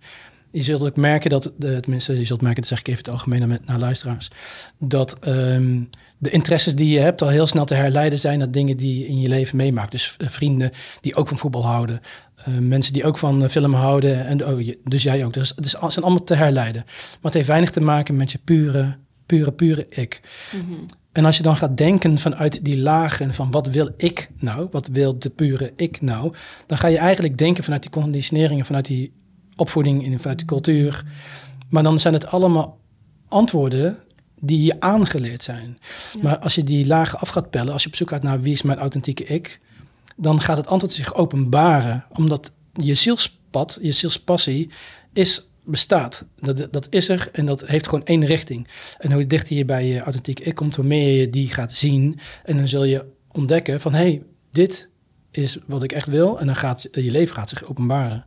Hetzelfde was dat ik toen ik... Ehm, eh, ik ben natuurlijk al heel lang fotograaf en uh, videograaf. En ik zei altijd van, uh, vooral in de laatste jaren, ik wil eigenlijk een beetje stoppen met mijzelf verhuren aan klanten. Want dan hebben zij een heel mooi product, maar ik heb gewoon een, een, eh, een paar uh, centen op de bankrekening en dat is klaar. Maar er is niks van mij. Dus ik was continu aan het denken van hoe kan ik nou iets verzinnen dat ik iets kan baren en, en, en, en nurturen en opbouwen wat van mij is. Mm -hmm. En ik kon het antwoord gewoon niet vinden. En ik heb er echt jaren, echt dag en nacht over nagedacht. En op een gegeven moment heb ik het losgelaten, ben ik het traumaproces ingegaan. Dus mijn eigen trauma's aankijken, mijn eigen conditioneringen. Toen kwam ik bij een mannencirkel en toen zag ik een andere, twee andere mannen die waren andere mannen aan het begeleiden en uh, aan het helpen door hun proces heen te gaan. En toen dacht ik van, hé, maar dit is het. Maar dat was het resultaat van het feit dat ik naar mezelf keek van wie ben ik buiten al die lagen of onder al die lagen. Ja. En toen openbaarde het. En nu ben ik het aan het beleven. Ik heb nu een podcast, ik doe coachings. En ik voel me nu gewoon echt helemaal op mijn pad. Ja. Maar dat antwoord had ik nooit kunnen vinden vanuit het denken. Nee. Dat kan pas wanneer ik naar mezelf keek. Wie ben ik? Ja. Zonder mijn ouders. Ja. Zonder die trauma. Zonder deze vrienden. Ja. Zonder dat ik in Amsterdam woon. Mhm. Wie, wie zit daaronder? En dat is moeilijk. Hmm. Maar ja, goud waard. Ja. Ja. ja, het is inderdaad ook een verhaal van, van je ego. En ook inderdaad van, um, denk ik, van te veel in je hoofd zitten. Ja. Ja, en dat zitten we allemaal. Dat, Ja. dat, daar zijn we ook super getraind toe om Ja. in ons hoofd te zitten. Ik bedoel, als je nu kijkt dat kinderen nog steeds leren om eh, vet goede rekenen te doen... terwijl je al jarenlang een rekenmachine hebt Ja. die het allemaal Ja. voor je kan doen. En eh, ze leren helemaal niks over emotionele intelligentie. Exact. Niks, noppers, nada. Iedereen moet zich op dezelfde manier eh, gedragen. Je kan elk antwoord kan je opzoeken in Google. Hoezo leer je dan niet hoe je je mind kan veranderen? Ja. Het is zo interessant waarom... weet je, en dat moet je allemaal zelf maar ontdekken. Ja. Ehm, en ik heb nu ook dat ik gevraagd ben, vet leuk, voor eh, een mbo-school, interieuropleiding is dat, om daar een talk te gaan geven. Ook over dit allemaal. En dat ik denk, oh, dit, is, dit is wat er moet gebeuren. Ja. Dit is wat er eh, moet veranderen. Dat meer mensen vanaf het begin af aan gewoon durven te geloven in hun dromen. ja. Ja. En ook leren werken inderdaad met wat van binnen zit. Mhm. Ik heb binnenkort een, eh, een lerares in de podcast. Ehm, en ik zeg altijd dat ze het stiekem doet. Ze doet het niet stiekem, maar ik vind het dat ze het stiekem doet. Zij leert kinderen zeg maar over spiritualiteit en Oh, over wat er in je zit. En je authentieke ik en je noem maar op. En dat zit helemaal niet in het curriculum van welke opleiding dan ook. Maar zij doet dat wel, zeg maar. En ik vind dat goud waard. Ja. Dat zijn de lichtwerkers dan, eh, Ja. zeg ik altijd. Ja, die echt het effect maken. Ja. Ja, ja. ik was, was ook zo mooi dat eh tijd terug was er een coachie en die vertelde opeens dat haar kind weer tegen haar zei: Ik hou van mezelf. En dat kwam dan doordat ik dat weer bij haar erin had gebracht. En dat zij dus dat ook weer bij hem erin had gebracht. En dacht ik, ja, dit is de ripple effect waar ik naar verlang, zeg maar. Ja. Dus dat je dat kan doorgeven. En dat is zo jammer dat dat niet vanuit de wortels, vanuit die kindjes... maar dat, dat komt goed, dat komt vanzelf. Dat is al Ja. steeds meer. Steeds meer. Steeds Ja, meer, steeds meer, steeds meer. En eh, hoe harder het gevecht ook is, zeg maar aan de andere kant, dit, dit wordt alleen maar groter. Ik ken zoveel mensen die een soort spirituele awakening hebben gehad de afgelopen tijd. Iedereen, het voelt echt alsof iedereen vanuit het universum wordt opgetrommeld om meer Ja, in- ja, ja, in, ja. spiritualiteit te gaan. It's needed here. Ja, helemaal mee eens. Ja. Klopt. En, eh, weet je ook waarom? Ik heb daar heel even, ja, ik zit er een beetje diep in. Oh ja? Nou ja, ik voelde toen, toen ik die spiritual awakening had, Ja. toen kreeg ik dus ook allemaal downloads, eh, zo noem ik het altijd, ja. binnen. Dat ik dacht, er wordt hier een spiritueel le- leger, eh, wordt er gewoon opgeroepen. En het voelt alsof er een aantal mensen de frontlinie aan het... Het voelt eigenlijk niet als een oorlog, dat, dat helemaal nee. niet, maar op basis van wat is de energie, wat is het licht wat er uitgezonden moet worden om eh, deze frequentie op de aarde gewoon steeds eh, sterker te krijgen.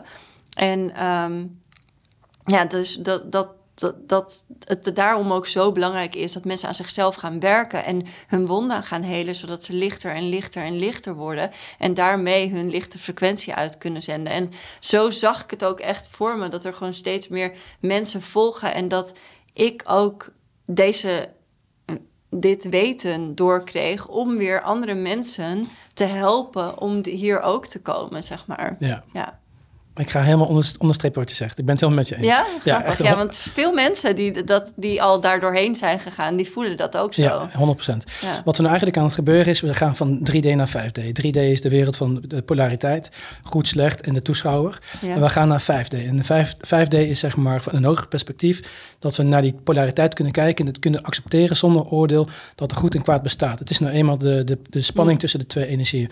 En nu zitten wij nog in 3D.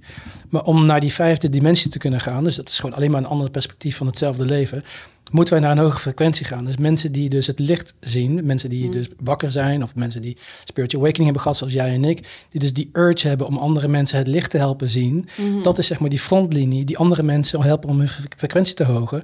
Want als iedereen de frequentie verhoogt, dan gaan we naar 5D. Ja. Dat is zeg maar de, de, de, de verandering die we nu, waar we nu middenin zitten. En het klopt wat je zegt, want er zijn zoveel kinderen nu zo bewust op jonge Ja. leeftijd al en zo op een andere frequentie dan dat wij zijn. Ik ben 46. Ik vraag me wel af of dat niet komt ook doordat de ouders dat zijn en doordat ze dat meer opmerken. Want ik heb het gevoel dat, net zoals wat we net zeiden, van oh, ja, wij- dat je het even links laat liggen, zeg maar, een beetje als er een kind komt die iets Ja. buiten proporties zegt. En dat dat gewoon continu dus al vanaf jongs af aan is onderdrukt. Maar Ja. omdat er nu zoveel meer mensen die lichtwerker zijn of die daar ja, dat hogere bewustzijn over hebben, dat dat nou eenmaal is wat er, wat er gebeurt, weet je, als je jong bent. En dat het daardoor al die jaren en levens is onderdrukt. Ja, nou, het is hetzelfde principe. Ja, ik voel ook heel, voelde ook toen, toen ik daar helemaal in zat. Nu heb ik dat wel minder hoor. Maar dat, dat zeg maar die, die heksenwond toen ook echt zo heel Mhm. erg groot was, zeg maar. Ja, En dat van jaren terug. Dat er heel veel heksen natuurlijk op de brandstapel zijn gegooid. En toen dacht ik ook wel gelijk van... Oh, sorry, ik ga helemaal los. Ehm, ja mag. met, met dat verhaal van mij en mijn dochter dacht ik... Ja. Oh, misschien is daar iets gebeurd toen. Kunnen. Ja, Zeker, ja. ja. ja. Ik heb een podcast opgenomen met de Elske Valkenaar. Die is wel heel leuk om te luisteren. Die, is, ehm, die heeft een, eh, een, een bureau, toch? Een, Ja, ze heeft een kindercastingbureau. Maar ze heeft ook een, een spirituele plek, zeg maar. Paleis 180, hetzelfde Oh. gebouw. wist ik Ehm, niet. Ja, zij is... ehm, ehm, Leuk. Ja. Eh, ik heb met, eh, met haar en met Tijn Tauber allebei een gesprek gevoerd over trauma's en over spiritualiteit. En zeker omdat je nu dit soort dingen zegt, zou ik zeggen van, eh, die is heel interessant om te luisteren. Want zij, vooral Elske, die gaat echt heel diep hierin, zeg maar, over... hoe, hoe heet dat nou? Niet de, de woman wound, maar puntje, puntje. Wek, heksen. Ja. ja. ja. Ehm, iets wat met minder eh, dan eh, wat minder met ehm, spiritualiteit te maken heeft, enigszins. Maar wat ik wel heel leuk vond in ons voorgesprekje, waar ik even op in wil haken, Ja. of terug wil komen, is het eh masculine en feminine. Oh ja. Ja, dat vond ik heel grappig, want ehm, mijn hele traumareis is begonnen met het boek The Way of the Superior Man van David Diда. Mhm. De kracht van de echte man, volgens mij is het in het Nederlands. Dat is het mannenboek, of eigenlijk voor de man geschreven. En dan heb je Dear Lover, de kracht van een echte vrouw in het Nederlands. Voor de vrouw. Ehm, en het eerste, het ging over masculiniteit. En ik wist helemaal nog helemaal, ik, spiritualiteit wist ik heel veel van. Masculiniteit, totaal geen flauw idee. Ik wist ook niet eens dat wij masculine en feminine energie allemaal in ons hebben. Mhm. Ehm, en eh, door het leren wat masculiniteit betekende, kwam ik bij authenticiteit en toen ging het hele proces in. Maar dat heeft allemaal te maken met hoe ehm, wij op seksueel vlak, aantrekkingskracht, met elkaar werken.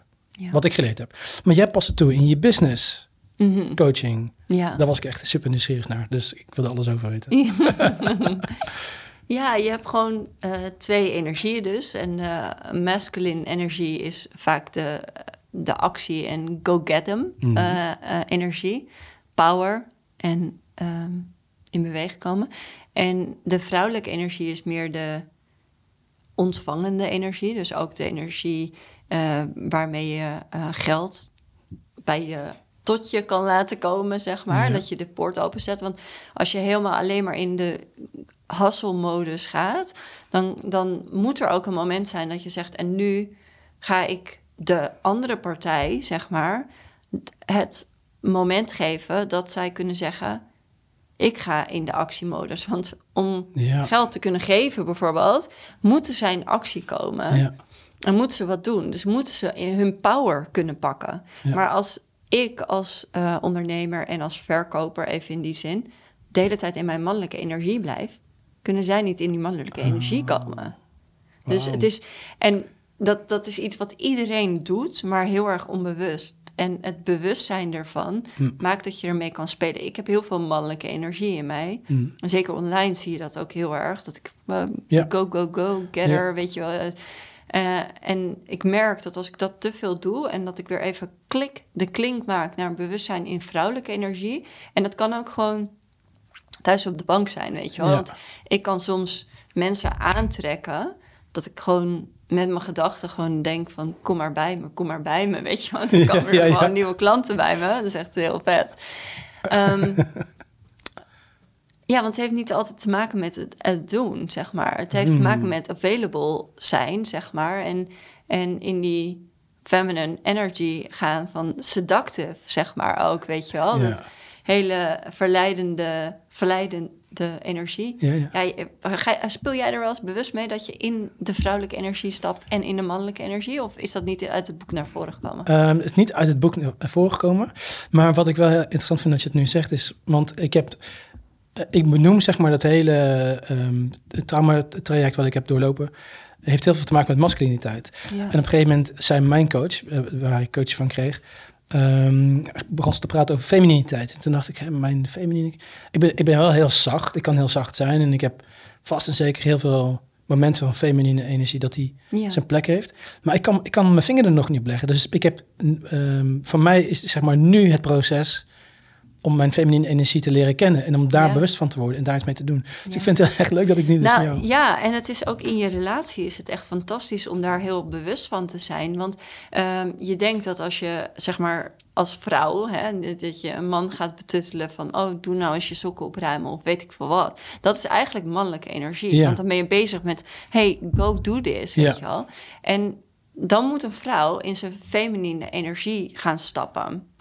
Ik had daar laatst ook iemand even kort op gecoacht. Want die zaten eigenlijk, die vrouw zat veel te veel in haar feminine energie. Zij was ook coach. En die man, of nee, in haar masculine energie. zij ja. was coach, zij wist het allemaal. Zij bracht het geld binnen, weet je wel. En wat gebeurt er dan? Is dat zij te veel mannelijke energie in zich gaat houden. Ja. En, en je kan niet twee mannelijke Nee. energieën naast elkaar hebben staan. Ja. Dus wat gebeurt er? De man gaat automatisch in die feminine energie. Ja. Dus die gaat zich onderdanig gedragen. Die gaat zeggen van oké, wat jij wil, oh ik zal het opruimen. Oh sorry, Ja. oh bla bla bla. En vervolgens denkt zij op een gegeven moment van wat de fuck, waar is mijn man gebleven? kan je even meer de macho guy hier uithangen? Ik ben met iemand ge- in het begin gegaan omdat ik dacht, eh, oh dit was het. Maar je bent nu echt een doetje. Hou eens op jij.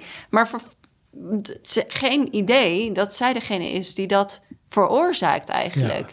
En dus is het voor beide ontzettend belangrijk dat ze zich beseffen van wat zijn we eigenlijk aan het doen qua energie. Ja. Ben ik, ehm, ben ik nog wel die vrouw voor hem? Want ja, is zo'n vrouw, vrouw aantrekkelijk? Nee, no way, nee, weet je wel. nee. En iedere man en vrouw heeft vrouwelijke en mannelijke energie. Maar het gaat er maar net om dat je de dans kan maken. Ja. En als je bewust bent van nu stap ik hierin, nu stap ik daarin. En nu is het handig om dit te pakken. Ja. Ga er maar mee spelen. Ja, ja, ja. Ik weet zeker dat als je ook echt denkt, ik heb dan dat ik met mijn man af en toe echt zo heel bewust in die vrouwelijke energie ga. En ook al is het gewoon met zoenen en dan echt heel erg die vrouwelijke energie pakt, Ja, dan ja, pakt hij automatisch nog meer mannelijke energie. En dan wordt het super vurig, weet je wel. En dat is super leuk om daarmee te spelen. Maar gewoon ook gewoon in gesprekken, ook gewoon om te kijken hoe switch ik nu tussen Ja. die twee energieën. En je weet, iedereen weet wel wat vrouwelijke energie is en wat mannelijke energie. Mannelijke energie is gewoon geven, Ja. letterlijk. Dus de, en vrouwelijke energie is ontvangen. Dus ook al is het van, hé, hey, ik geef jou commentaar, dan ben je mannelijke energie. Ja, Ik, ik ga in de actie, mannelijke energie. ja. Ik ga in de ontspanning, vrouwelijke energie. Ik ga... Ik vind dat dus moeilijk. Ontvangen, ontspannen. Dat heb ik altijd moeilijk gevonden. Ik ben me nu bewust van dat het iets is wat ik moet cultiveren. Maar ontvangen Ja, ik- was bijvoorbeeld echt een ding voor mij. Ja. Maar neem gewoon de beslissing dat Ja. een ding gaat zijn. Nee, maar dat is, dat is weer Zo zoiets mooi. wat ik, ik eh, zeg maar, in mijn coachings is het ook altijd zo dat ik mensen echt, ik eh, zeg van je mag het woord lastig en moeilijk niet gebruiken Mm. meer. Want anders, je zet hem vast. Ja, Je ik bedoel, als je het moeilijk vindt, ja, een beetje knappe gozer die dan gaat denken, ik ga daaraan. Als het moeilijk is, ja, ga je het natuurlijk niet proberen. nee, ja. Maar als je dan gaat zeggen, ik sta ervoor open of ik vind Ja. het makkelijk, weet Ja, je wel. ja, ja. En dat, eh, ja, je vond het, vond het moeilijk. Gisteren vond je ja het moeilijk. gisteren vond ik het moeilijk. Ga je het uitproberen? Ja. Mooi, man. Ja. Maar ehm, ehm, hoe, hoe ehm, zou een man dan in zijn business de schakel maken tussen uh, feminine en, en masculine? Dat is dus zeg maar het ontvangen van ja. stoppen met doen. En, Ja. ja, maar het kan alleen al zijn in een gesprek. Hè?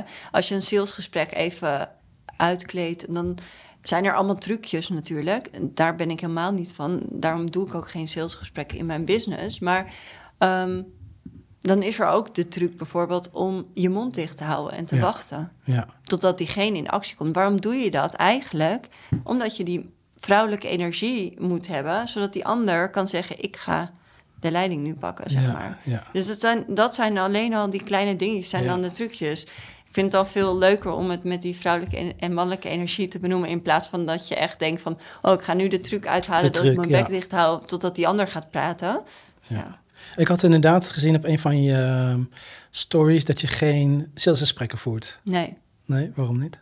Nou, omdat, precies om dit verhaal, omdat ik wil dat als iemand bij mij komt, dat ze echt een duidelijke keus maken. Ja, En ik heb zelf heel vaak eh, sales calls gehad. Hm.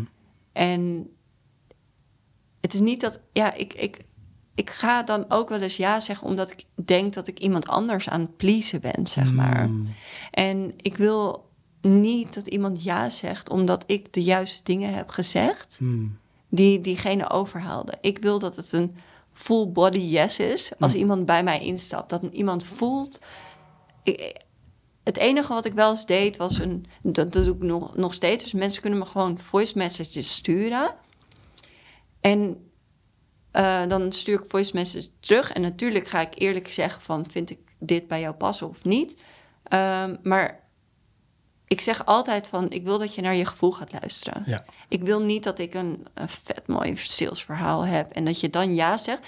Want dan ga je ook veel te veel verwachten dat ik het voor je ga doen. Ja. Onderbewust. Ik bedoel, iedereen weet wel dat een coach uiteindelijk niet naast je elke dag naast je Mm. bed kan gaan staan. Maar de ownership is in your hands als jij door mij gecoacht wordt. Ik kan je alleen maar ideeën geven, exact. de richtingen laten zien. exact. Maar je moet het zelf doen. Ja, En als iemand zelf uit zichzelf de beslissing maakt, dan is het iemand die ook grote stappen kan gaan nemen. En ik wil mensen helpen die bereid zijn om grote stappen te nemen, zeg maar, Ja. die groots willen gaan en niet die ehm, iemand anders nodig he- hebben om zich te ver- laten vertellen dat ze het zo moeten doen. En dat is in Nederland natuurlijk best wel eh, uncommon. Mm. Weet je, mensen zijn gewoon gewend dat ze overgehaald moeten worden voordat ze ja zeggen. Ja, Ja. Want het is, ja, niet, het is gewoon geen ja, minder leiderschap, zeg Ja. maar. Ja, ja ehm, ik vind, ehm, ik wilde eigenlijk inhaken waarom ehm, mensen zoveel leiding nodig hebben en de verantwoordelijkheid eigenlijk afstaan. Ja, maak jij de keuze maar voor mij. Mhm. Dat is een beetje de, de tendens eh, die ik in ieder geval ervaar.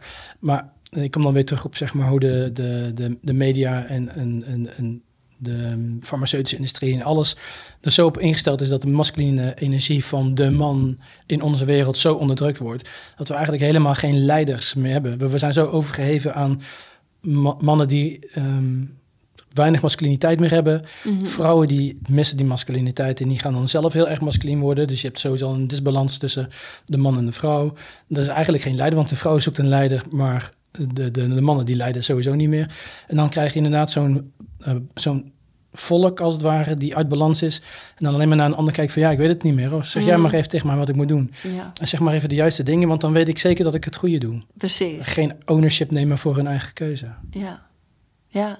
Ja, Nee, helemaal eens, ja. toch? En dat is, eh, ja. En met alles probeer ik dus ook, want ik heb heel vaak dat ik eh, iets promoot, wa- waar ik dan geen naam nog voor heb. of waar, maar dan denk ik gewoon, oh, dat is leuk. Dan heb je alleen maar mensen die op gevoel iets durven te kiezen, zeg maar. Ja. Ja, en dat, eh, Want je bent niet zo lang bezig met het coachen, zei je, of wel? Nee, nou, in principe officieel een jaar ongeveer. Ik heb gewoon op een gegeven moment gedacht, ik ga andere fotografen helpen. Ik weet niet of jij dat ook bent gaan doen. Nee. Nee, Nee. nee. Ja, ik ben andere fotografen gaan helpen. En toen heb ik daar een programma van gemaakt. En toen dacht ik een jaar geleden van, ik ga daar ook een programma voor maken voor alle creatieve mensen, zeg maar. Kan je me even terugnemen naar de, naar, het, naar, het, eh, naar de reis van je bent fotograaf Ja, en waarom je dan zeg maar de overstap maakt naar ik ga andere mensen helpen, ik ga coachen. Maar, ja. Want wat voor fotografie deed je? Ehm, ik deed net zoals jij huwelijken fotograferen. En eh, wat fashionwerk, maar heel minimaal. En eh, veel families. Hmm. Ja, ja. Ja, heel leuk. En ehm, op een gegeven moment had ik dus voor het eerst dat ik een foto van mezelf durfde te delen. Oh, was alweer een tijdje terug hoor. Ik durfde een foto van mezelf te delen in mijn stories en mezelf te, voor te stellen. Dat vond ik een heel ding. En toen, ehm, toen kreeg ik daar... Ja, maar dat is wel de grap. Ik deed ook een, een meditatie die avond daarvoor van Bob Proctor. Ken je die? Nee? Ja, is, eh, die is nu net overleden, maar die heeft, heeft heel veel kennis over Love Attraction eh, gedeeld. In zijn leven stond ook in The Secret eh, dat boek en Oh. die film. Mm, hij ehm, heeft een hele vette meditatie, die heet Abundance. En daarop viel ik gewoon altijd in slaap. En op een gegeven moment wilde mijn man wilde zijn werk op gaan zeggen. En ik zei, nou oké, weet je wat? Ik doe vanavond die meditatie. Zorg dat ik morgen even geld eh, extra verdien, dat we weer safe zijn. Ja. Dus ik deed die meditatie en toen dacht ik, oh ja, die foto's, die had ik al een hele tijd liggen met het idee van ik ga die foto's een keer delen. Nou, dacht ik deel die foto's vandaag met, met wat tekst erbij. Nou, daar kreeg ik natuurlijk, als je dat voor het eerst gaat doen, als je voor het eerst wat meer van jezelf gaat laten zien, Ja, ja, zeker, eh nou ja, tweeënhalf jaar terug, dan kreeg je daar heel veel reacties op. ja. Ik kreeg heel veel reacties. Maar ook iemand en, en aanvragen voor shoots. Dus ik had al gelijk drie aanvragen voor een shoot weer. Maar ook iemand die vroeg aan mij van... hey, geef je ook workshops? Oh, Toen heb ik dat berichtje gewoon gekopieerd en, en in mijn stories gedeeld. En toen kreeg ik binnen no time... had ik twintig mensen die een workshop wilden volgen bij me. Ja, wauw. ja. Dus eh, ja, toen ben ik een workshop gaan geven. En toen had ik zelf niet eens door.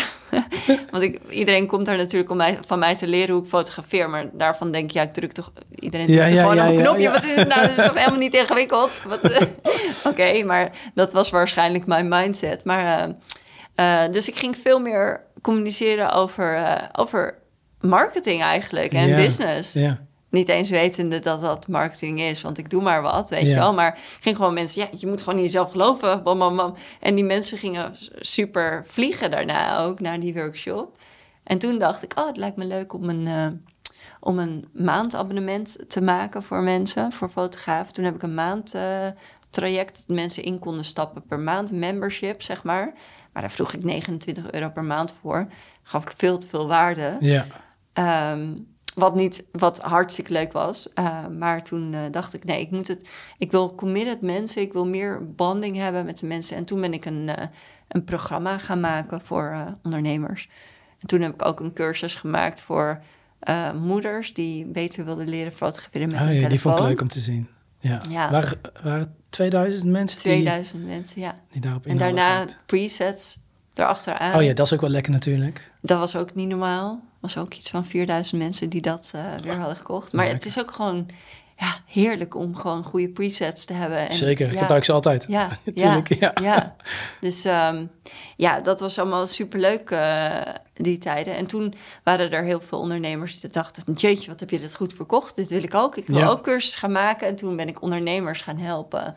één op één met hun cursussen verkopen... en via stories te verkopen. Via stories ook. Ja, Terwijl stories is niet het meest ehm algoritme vriendelijk nu. Het zijn nu reels, niet. toch? Nu word je echt wel... eh, ik word wel... Ja, het gaat heel erg naar beneden inderdaad. Maar alsnog, ja, ik blijf gewoon denken... dat eh, iedereen in mijn stories mij helemaal fantastisch vindt. En ze willen alles bij mij kopen. Briljant. En dat gebeurt. Dus eh, Ja. ik, ik bedoel, het is... ehm, ja, ik denk dat dat is, dat is gewoon ook de power of the mind. Dat je niet je daardoor gek laat maken Ja. of zo. En, en inderdaad naar nieuwe manieren op zoek gaat. Ja, Want inderdaad, die reels, dat ehm, is wel een stuk, eh, ik denk, lucratiever of zo. ja. Ja. dus dat je daar misschien meer je aandacht op gaat vestigen. Ja, ik ben dus daar nu mee bezig met eh, van die reels maken. Jezus, wat vond ik het akelig om mezelf voor een camera te zetten en Ja? dat ik iets moest gaan vertellen. Oh ja? Ja, want ik, ik, als ik met mensen in gesprek ga, ik kan gewoon uren lullen over Ja. dingen die ik eh, vind en eh, noem maar op. En dan moest ik in één keer in een minuut, moest ik, van mezelf dan, hè, moeten, ik mocht helemaal niks. Mocht ik, mocht ik, mocht ik, mag ik, ehm, in een minuut een, een, een topic bespreken. Ja. Ik, had een, ik heb een reels gemaakt over coaches, dat iedereen het dan over coaches heeft, coach, coach, coaches. En dan, dan zeg ik daar wat over. Ook, Ja.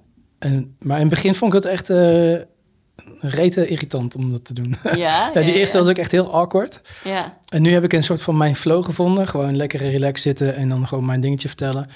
Ik doe ook gewoon maar één take. Ik doe geen Oh, twee takes of drie takes. Gewoon, dit is wat het is. Oh, maar je vertelt echt een verhaal en dat wordt dan een reel? Ja. ja. Oh, ik ben heel benieuwd. Ja, ik heb dan gewoon één minuut en dan vertel ik iets over, eh, ja, over coaches. Ehm, ik, ik heb er ook eentje over ehm, dat we de, de neiging hebben. Eigenlijk hebben we het allemaal.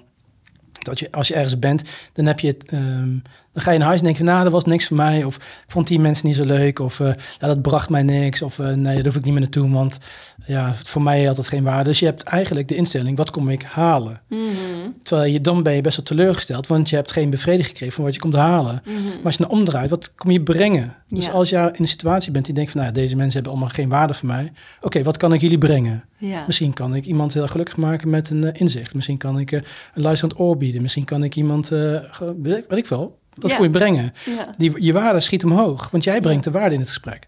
Nou, dat heb ik dan in een, in een minuut verteld. En dat is dan een reels. Dus ik probeer zeg maar mijn en coaching... Hoe, doet dat, hoe gaat dat dan? Loopt die dan goed? ja, die loopt dan goed. Ja? Die en gaat- wat krijg, krijg je er dan reactie of tractie op? Ehm, ik vind het nog moeilijk om te meten en ik krijg daar soms wel reactie op. Mijn interactie is nog niet zo eh, heel erg hoog. Toen ik die podcast begon, had ik echt honderden berichten van mensen die die podcast gingen luisteren. Oh, Maar nu dus eh, bijna niet meer. Iedereen luistert hem gewoon en eens en nu en dan Ja. krijg ik een eh, berichtje. ik ook, ja. En dan met die, met die reels, soms krijg ik wel eens reacties, maar nog niet zo heel veel. Maar die is dan wel binnen een halve dag 1200 keer bekeken. Wauw, ja. Terwijl met een, een stories is het misschien wat 50 of zo. Of. Bij mij is het echt super laag. Ik heb natuurlijk ook zo'n shadowban eh, Oh erop zitten van al die anti-maatregelen. Eh, Drie jaar lang eh, ruzie maken met de regering eh, via stories. Oké, maar ehm, dus ik ben dat nu het, aan, het exploreren. Ja, leuk. Ja. Ja, dat is toch leuk. Ja, het- het- ik denk dat, dat dat het allerbelangrijkste is. Dat je het in alle relaxheid gewoon gaat Ja. uitdokteren en gaat doen. Ja. En actie gaat ondernemen erop. Ja. Ja. En dat, dat alles, it, alles adds up. Dat denk ik echt. ja, Ja, absoluut. en als je maar authentiek blijft. Ja, Ik zie het in ieder geval aan mezelf. Als ik terugkijk, dan denk van... Oké, de, de echte relaxte Jamie, die dan aan het lullen was... ja, die gewoon lekker spontaan is en misschien een beetje verspreekt of wat dan ook. Die, die jongen, die, daar wil ik naar luisteren. Ja. Al die andere ge- ge- opgezette dingetjes, die, ehm, nou, die Die resoneren dan niet. nee. Nee. Nee, inderdaad. Ja, nee, dat is ook altijd wat ik eh, voel. En eh, ja, dat is ook waar ik zelf het lekkerst, eh, meest naar kijk. Iemand die echt zijn waarheid spreekt, ja. Ja, maar nu ben je coach geworden, maar je had niet een drijfveer om coach te worden. Dat is dan gewoon organisch gegroeid. Ja, nou, ik ben eigenlijk mijn hele leven al dus mensen aan Ja, het coachen en aan het helpen, omdat het gewoon erin zit. En eh, ik zie ook altijd mogelijkheden. Dat is wat mijn vader, die heeft altijd de meest geweldige uitspraken gehad, eh, die ik mijn hele leven lang meeneem. En dat is bijvoorbeeld, eh, geld ligt op straat. Oh, Ja, en dat maakt gewoon zo'n zo'n conditionering, zeg maar, van zo één zo'n zinnetje. Dat zorgt ervoor dat er in mijn systeem iets zit, waardoor ik altijd overal mogelijkheden zie om geld te maken. ja, wauw. Ja, dus- sommige mensen hebben talent. Dat, dat, dat talent heb jij. Ik heb bijvoorbeeld het talent dat ik overal een idee in zie. ja. Als jij iets eh, zegt van, nou, dit vind ik eh, leuk. Oh, maar dan kan je dit doen en dat doen en dat Ja, doen. ja, maar dat is toch ook geld maken dan uiteindelijk? Ja, dat geld, dat geld, eh, eh, geld maken, dat is nog niet mijn talent Nee? geweest. Jawel, je hebt toch hartstikke goed gedaan met, met fotografie Ja, ja, ja, ja. Ik heb ook, ik heb ook eh, tien jaar lang gedj'd, de hele wereld Ja. over gevlogen. Nou, Ik heb, ja, maar wat is dan, ja, maar wat is je inner talk? Dat is belangrijk. Of Ja. tenminste, als je zegt geld is niet belangrijk, als je dat heel vaak tegen jezelf zegt, ja, ja. Ja, ja, ja. Ja, is dat, nee, dat is niet wat ik zeg, denk ik. Nee, maar ik heb wel, zeg maar, ik kom, ik kom vanuit een, eh, een, een geschiedenis van lek. Waar we het al Ja. over hadden, lek en abundance. ja, En dat is zo ingeprent dat, het- dat, ehm, dat heel mijn leven er eigenlijk tot een tijd geleden daardoor ehm, gestuurd werd. ja, En ik ben het nu in de laatste jaren of de laatste vijf jaar gewoon echt aan het, aan het omgooien. ja. Ehm, maar ik, ja, daar komt het van, vandaan. Ja. ja, en dan is het nu de kunst om ehm, eigenlijk te zeggen... Ja. Ik neem een besluit. Nee, nee maar dat, dat is wel het verhaal. Dat je ehm, je beseft, want dat vind ik altijd zo... ja, dat we heel erg eh, proberen te zoeken naar de verklaring. Hè? Dat ligt Ja. dus daar, daar Ja. komt het door. En dan, da- door die verklaring is het probleem niet opgelost. En daarom ben ik nooit zo heel erg voor dat gelul over, eh, over eh, shit, weet je wel. Ja, ja. Maar meer van, oké, maar wat ga je eraan doen? Want nu je het weet, kan je of besluiten... ik ben slachtoffer van dat wat er gebeurd is. Ja. Maar als je slachtoffer daarvan bent, dan zit je met handen op je rug, zeg maar. En dan kan je niks meer doen. Nee. Wat ga je nu doen om dit verhaal te veranderen? Ja. En dat, is, dat begint natuurlijk weer bij een besluit. Maar dat besluit is dus, ik ga mezelf opnieuw programmeren. Jij kan gewoon nu alle, alle inner talk die je hier hebt. En alles begint bij wat zeg je tegen jezelf. En op basis daarvan bestaat je wereld en wordt die mooier of beter of slechter of Ja. niet Ja. goed. En ik denk dat dat, dat dat wat je hebt gezegd, dat ligt in het verleden. Ja. Nu kan je beginnen met een clean sleeve, zeg maar. En dan kan je dus er helemaal opnieuw herprogrammeren. Dat jij, nou, misschien moet je hem overnemen, geld ligt op straat. Ja. ja, geld ligt op straat. Maar in principe is, eh, geloof ik dat ook. Nou, Ja. nou, dat is helemaal mooi, want dan kan je hem echt aannemen van me. En dan, Ja. dan wordt het in, in je systeem.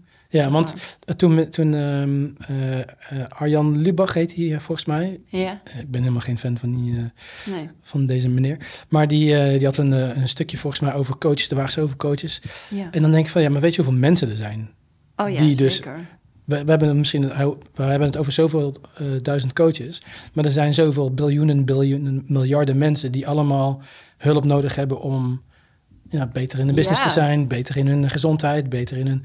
Dus het is, het is niks, man, wat, waar we het over hebben. Nee, en ik denk dat, nou ja, waar we het net over hadden, over die spiritual awakening en dat er, dat, dat nodig is. Ik denk dat dat niet voor niks is dat dit eh, zo ontzettend nodig is. Ehm, ja, als het geen business was om coach te worden, dan was niemand coach geworden. Exact. Als het verlangen er niet was. Maar mensen hebben gewoon inderdaad heel erg nodig dat ze hun leven beter op de rit krijgen met deze, ja, Ja, met deze werkelijkheid. ja, ja, zeg ja, ja. ja. Ik vind het grappig, want jij herhaalt eigenlijk mijn, eh, bijna mijn, eh, mijn reels over coaches. Oh ja? ja. Ja, maar ik denk wel dat je er voorzichtig in moet zijn. En dat is altijd, hè, dat, dat, dat heb je nu ook ondervonden met ehm, je tegen de maatschappij aan blijven schoppen. Dat je alvast in die vijfde dimensie stapt van, Ja. hè, ik, ik, ik ga het aanschouwen en goed en fout kan naast elkaar bestaan. Ja. Dat denk ik ook met ehm, de talk die mensen hebben over coaches.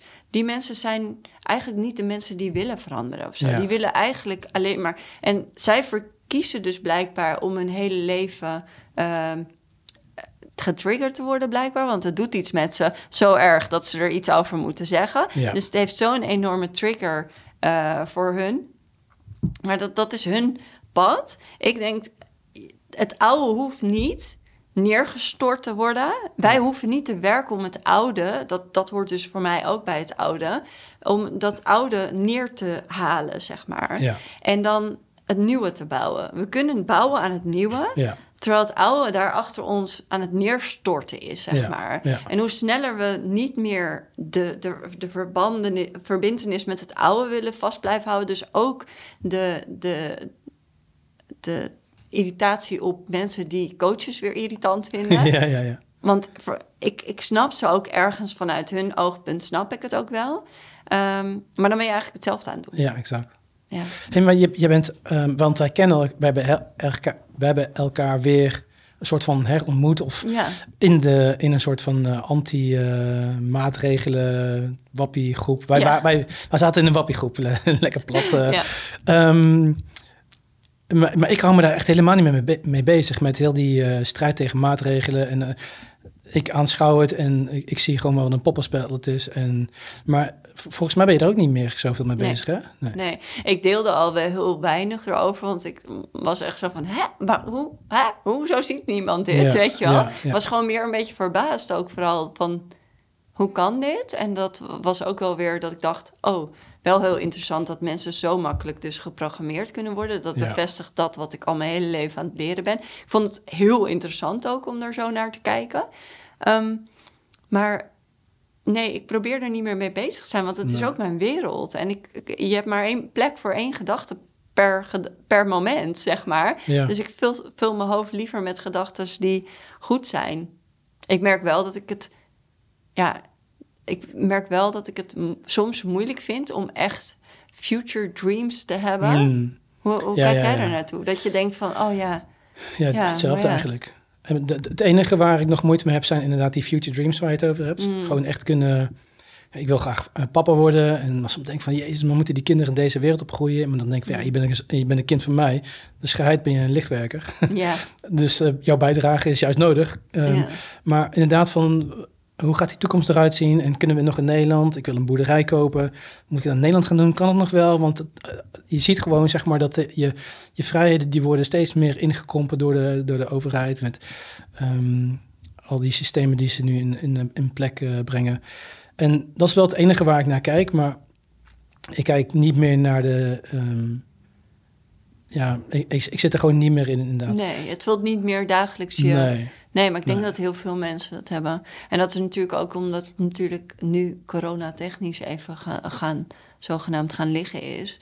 ehm, dat je er niet meer dagelijks mee geconfronteerd Ja. hoeft te worden. Ik bedoel, ehm, ja, we kunnen weer doen alsof alles even normaal is. Dat ook wel even lekker is. Ja. Toch? Ja. Ja, nou, ik, als ik wel naar mijn dingen kijk, naar mijn jaaromzetten, dan ben ik wel iets van 30% per jaar verloren Ja. door, eh, door maatregelen. En dan, ik kan me dan heel druk maken soms over dat, eh, ja, weet je wel, dat, zijn, dat is door de regering gedaan. En niemand die mij tegen, die, geen regering die tegen mij zegt, joh, eh, hier heb je compensatie of zo. Mhm. Maar ehm, ik heb mezelf wel gewoon staande kunnen houden. En ik ben Ja. wel echt een ondernemer die dan nieuwe dingen bedenkt of een nieuwe... Zo, dan gaan we dit doen. Oh, maar Ja. dat kan nog wel. En dan gaan we dat doen. Ik, ben- ik laat me niet... eh, maar dat heeft ook met mijn jeugd te maken, weet je wel. Ja. Jong op straat gezet, gewoon zelf overleven. Laat gewoon niet Oh. over me heen lopen. Ja. Ja.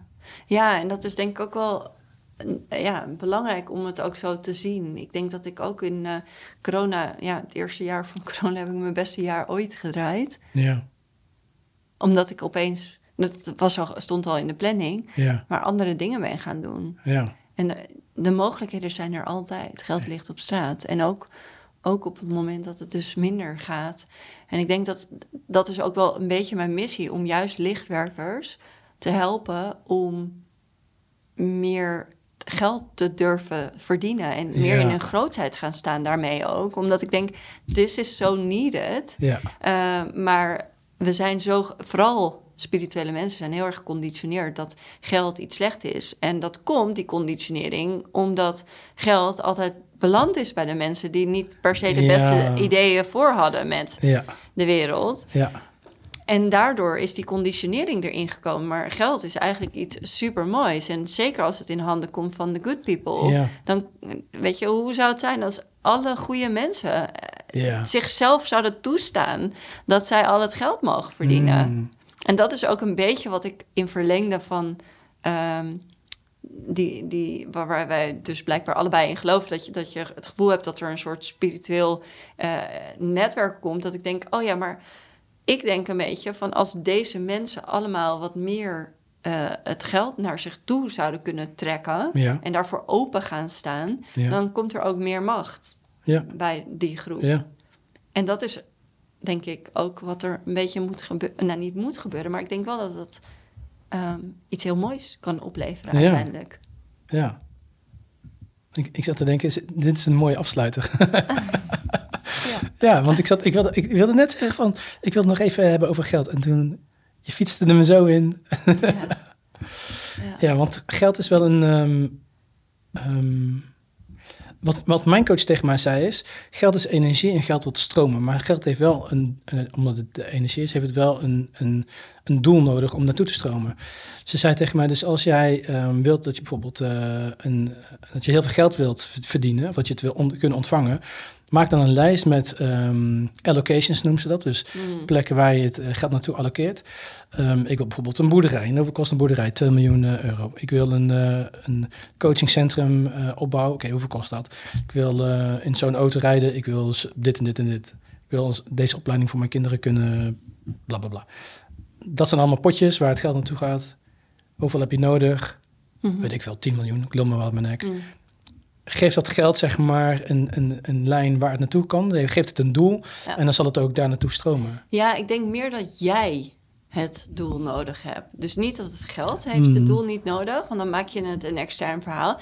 Maar jij hebt dat doel nodig om het toe te staan dat je het, het, het hekje openzet. Hmm. Ik zeg heel, wel vaker dat ik zie het echt voor me als een beekje van dat geld wil overal naartoe stromen. Maar het geld komt niet daar waar het echt nodig is. Het komt daar waar het gewild is. Mhm. En op het moment dat jij Ja. het nodig hebt en je wil het en je staat jezelf er toe, dan kan het gaan stromen, zeg maar. Ja, Maar ehm, als, je, als jij, ehm, wat wij vaak doen als mensen, is we koppelen heel erg onze waarde aan dat we geld mogen verdienen. ja.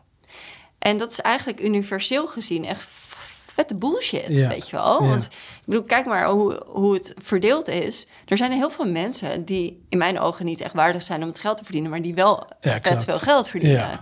En there's, there's no universal laws die, die dat zegt. Nee, het gaat gewoon wie wil het geld en wie staat er voor open om het te ontvangen.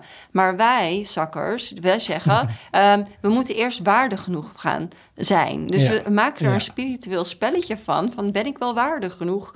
Ben ik wel waardig genoeg? En continu zijn we bezig met waardiger worden in ons zijn. Ja, Wat ook hartstikke leuk is, maar dat koppelen we aan of we mogen ontvangen of niet. of we geld mogen ontvangen. Ja. ja. Goed dat is mijn idee. Ik neem hem van je aan. Ja, Ja, Klink- klinkt logisch. ja toch? hartstikke Ja. logisch. Klinkt echt Gewoon hartstikke waarheid.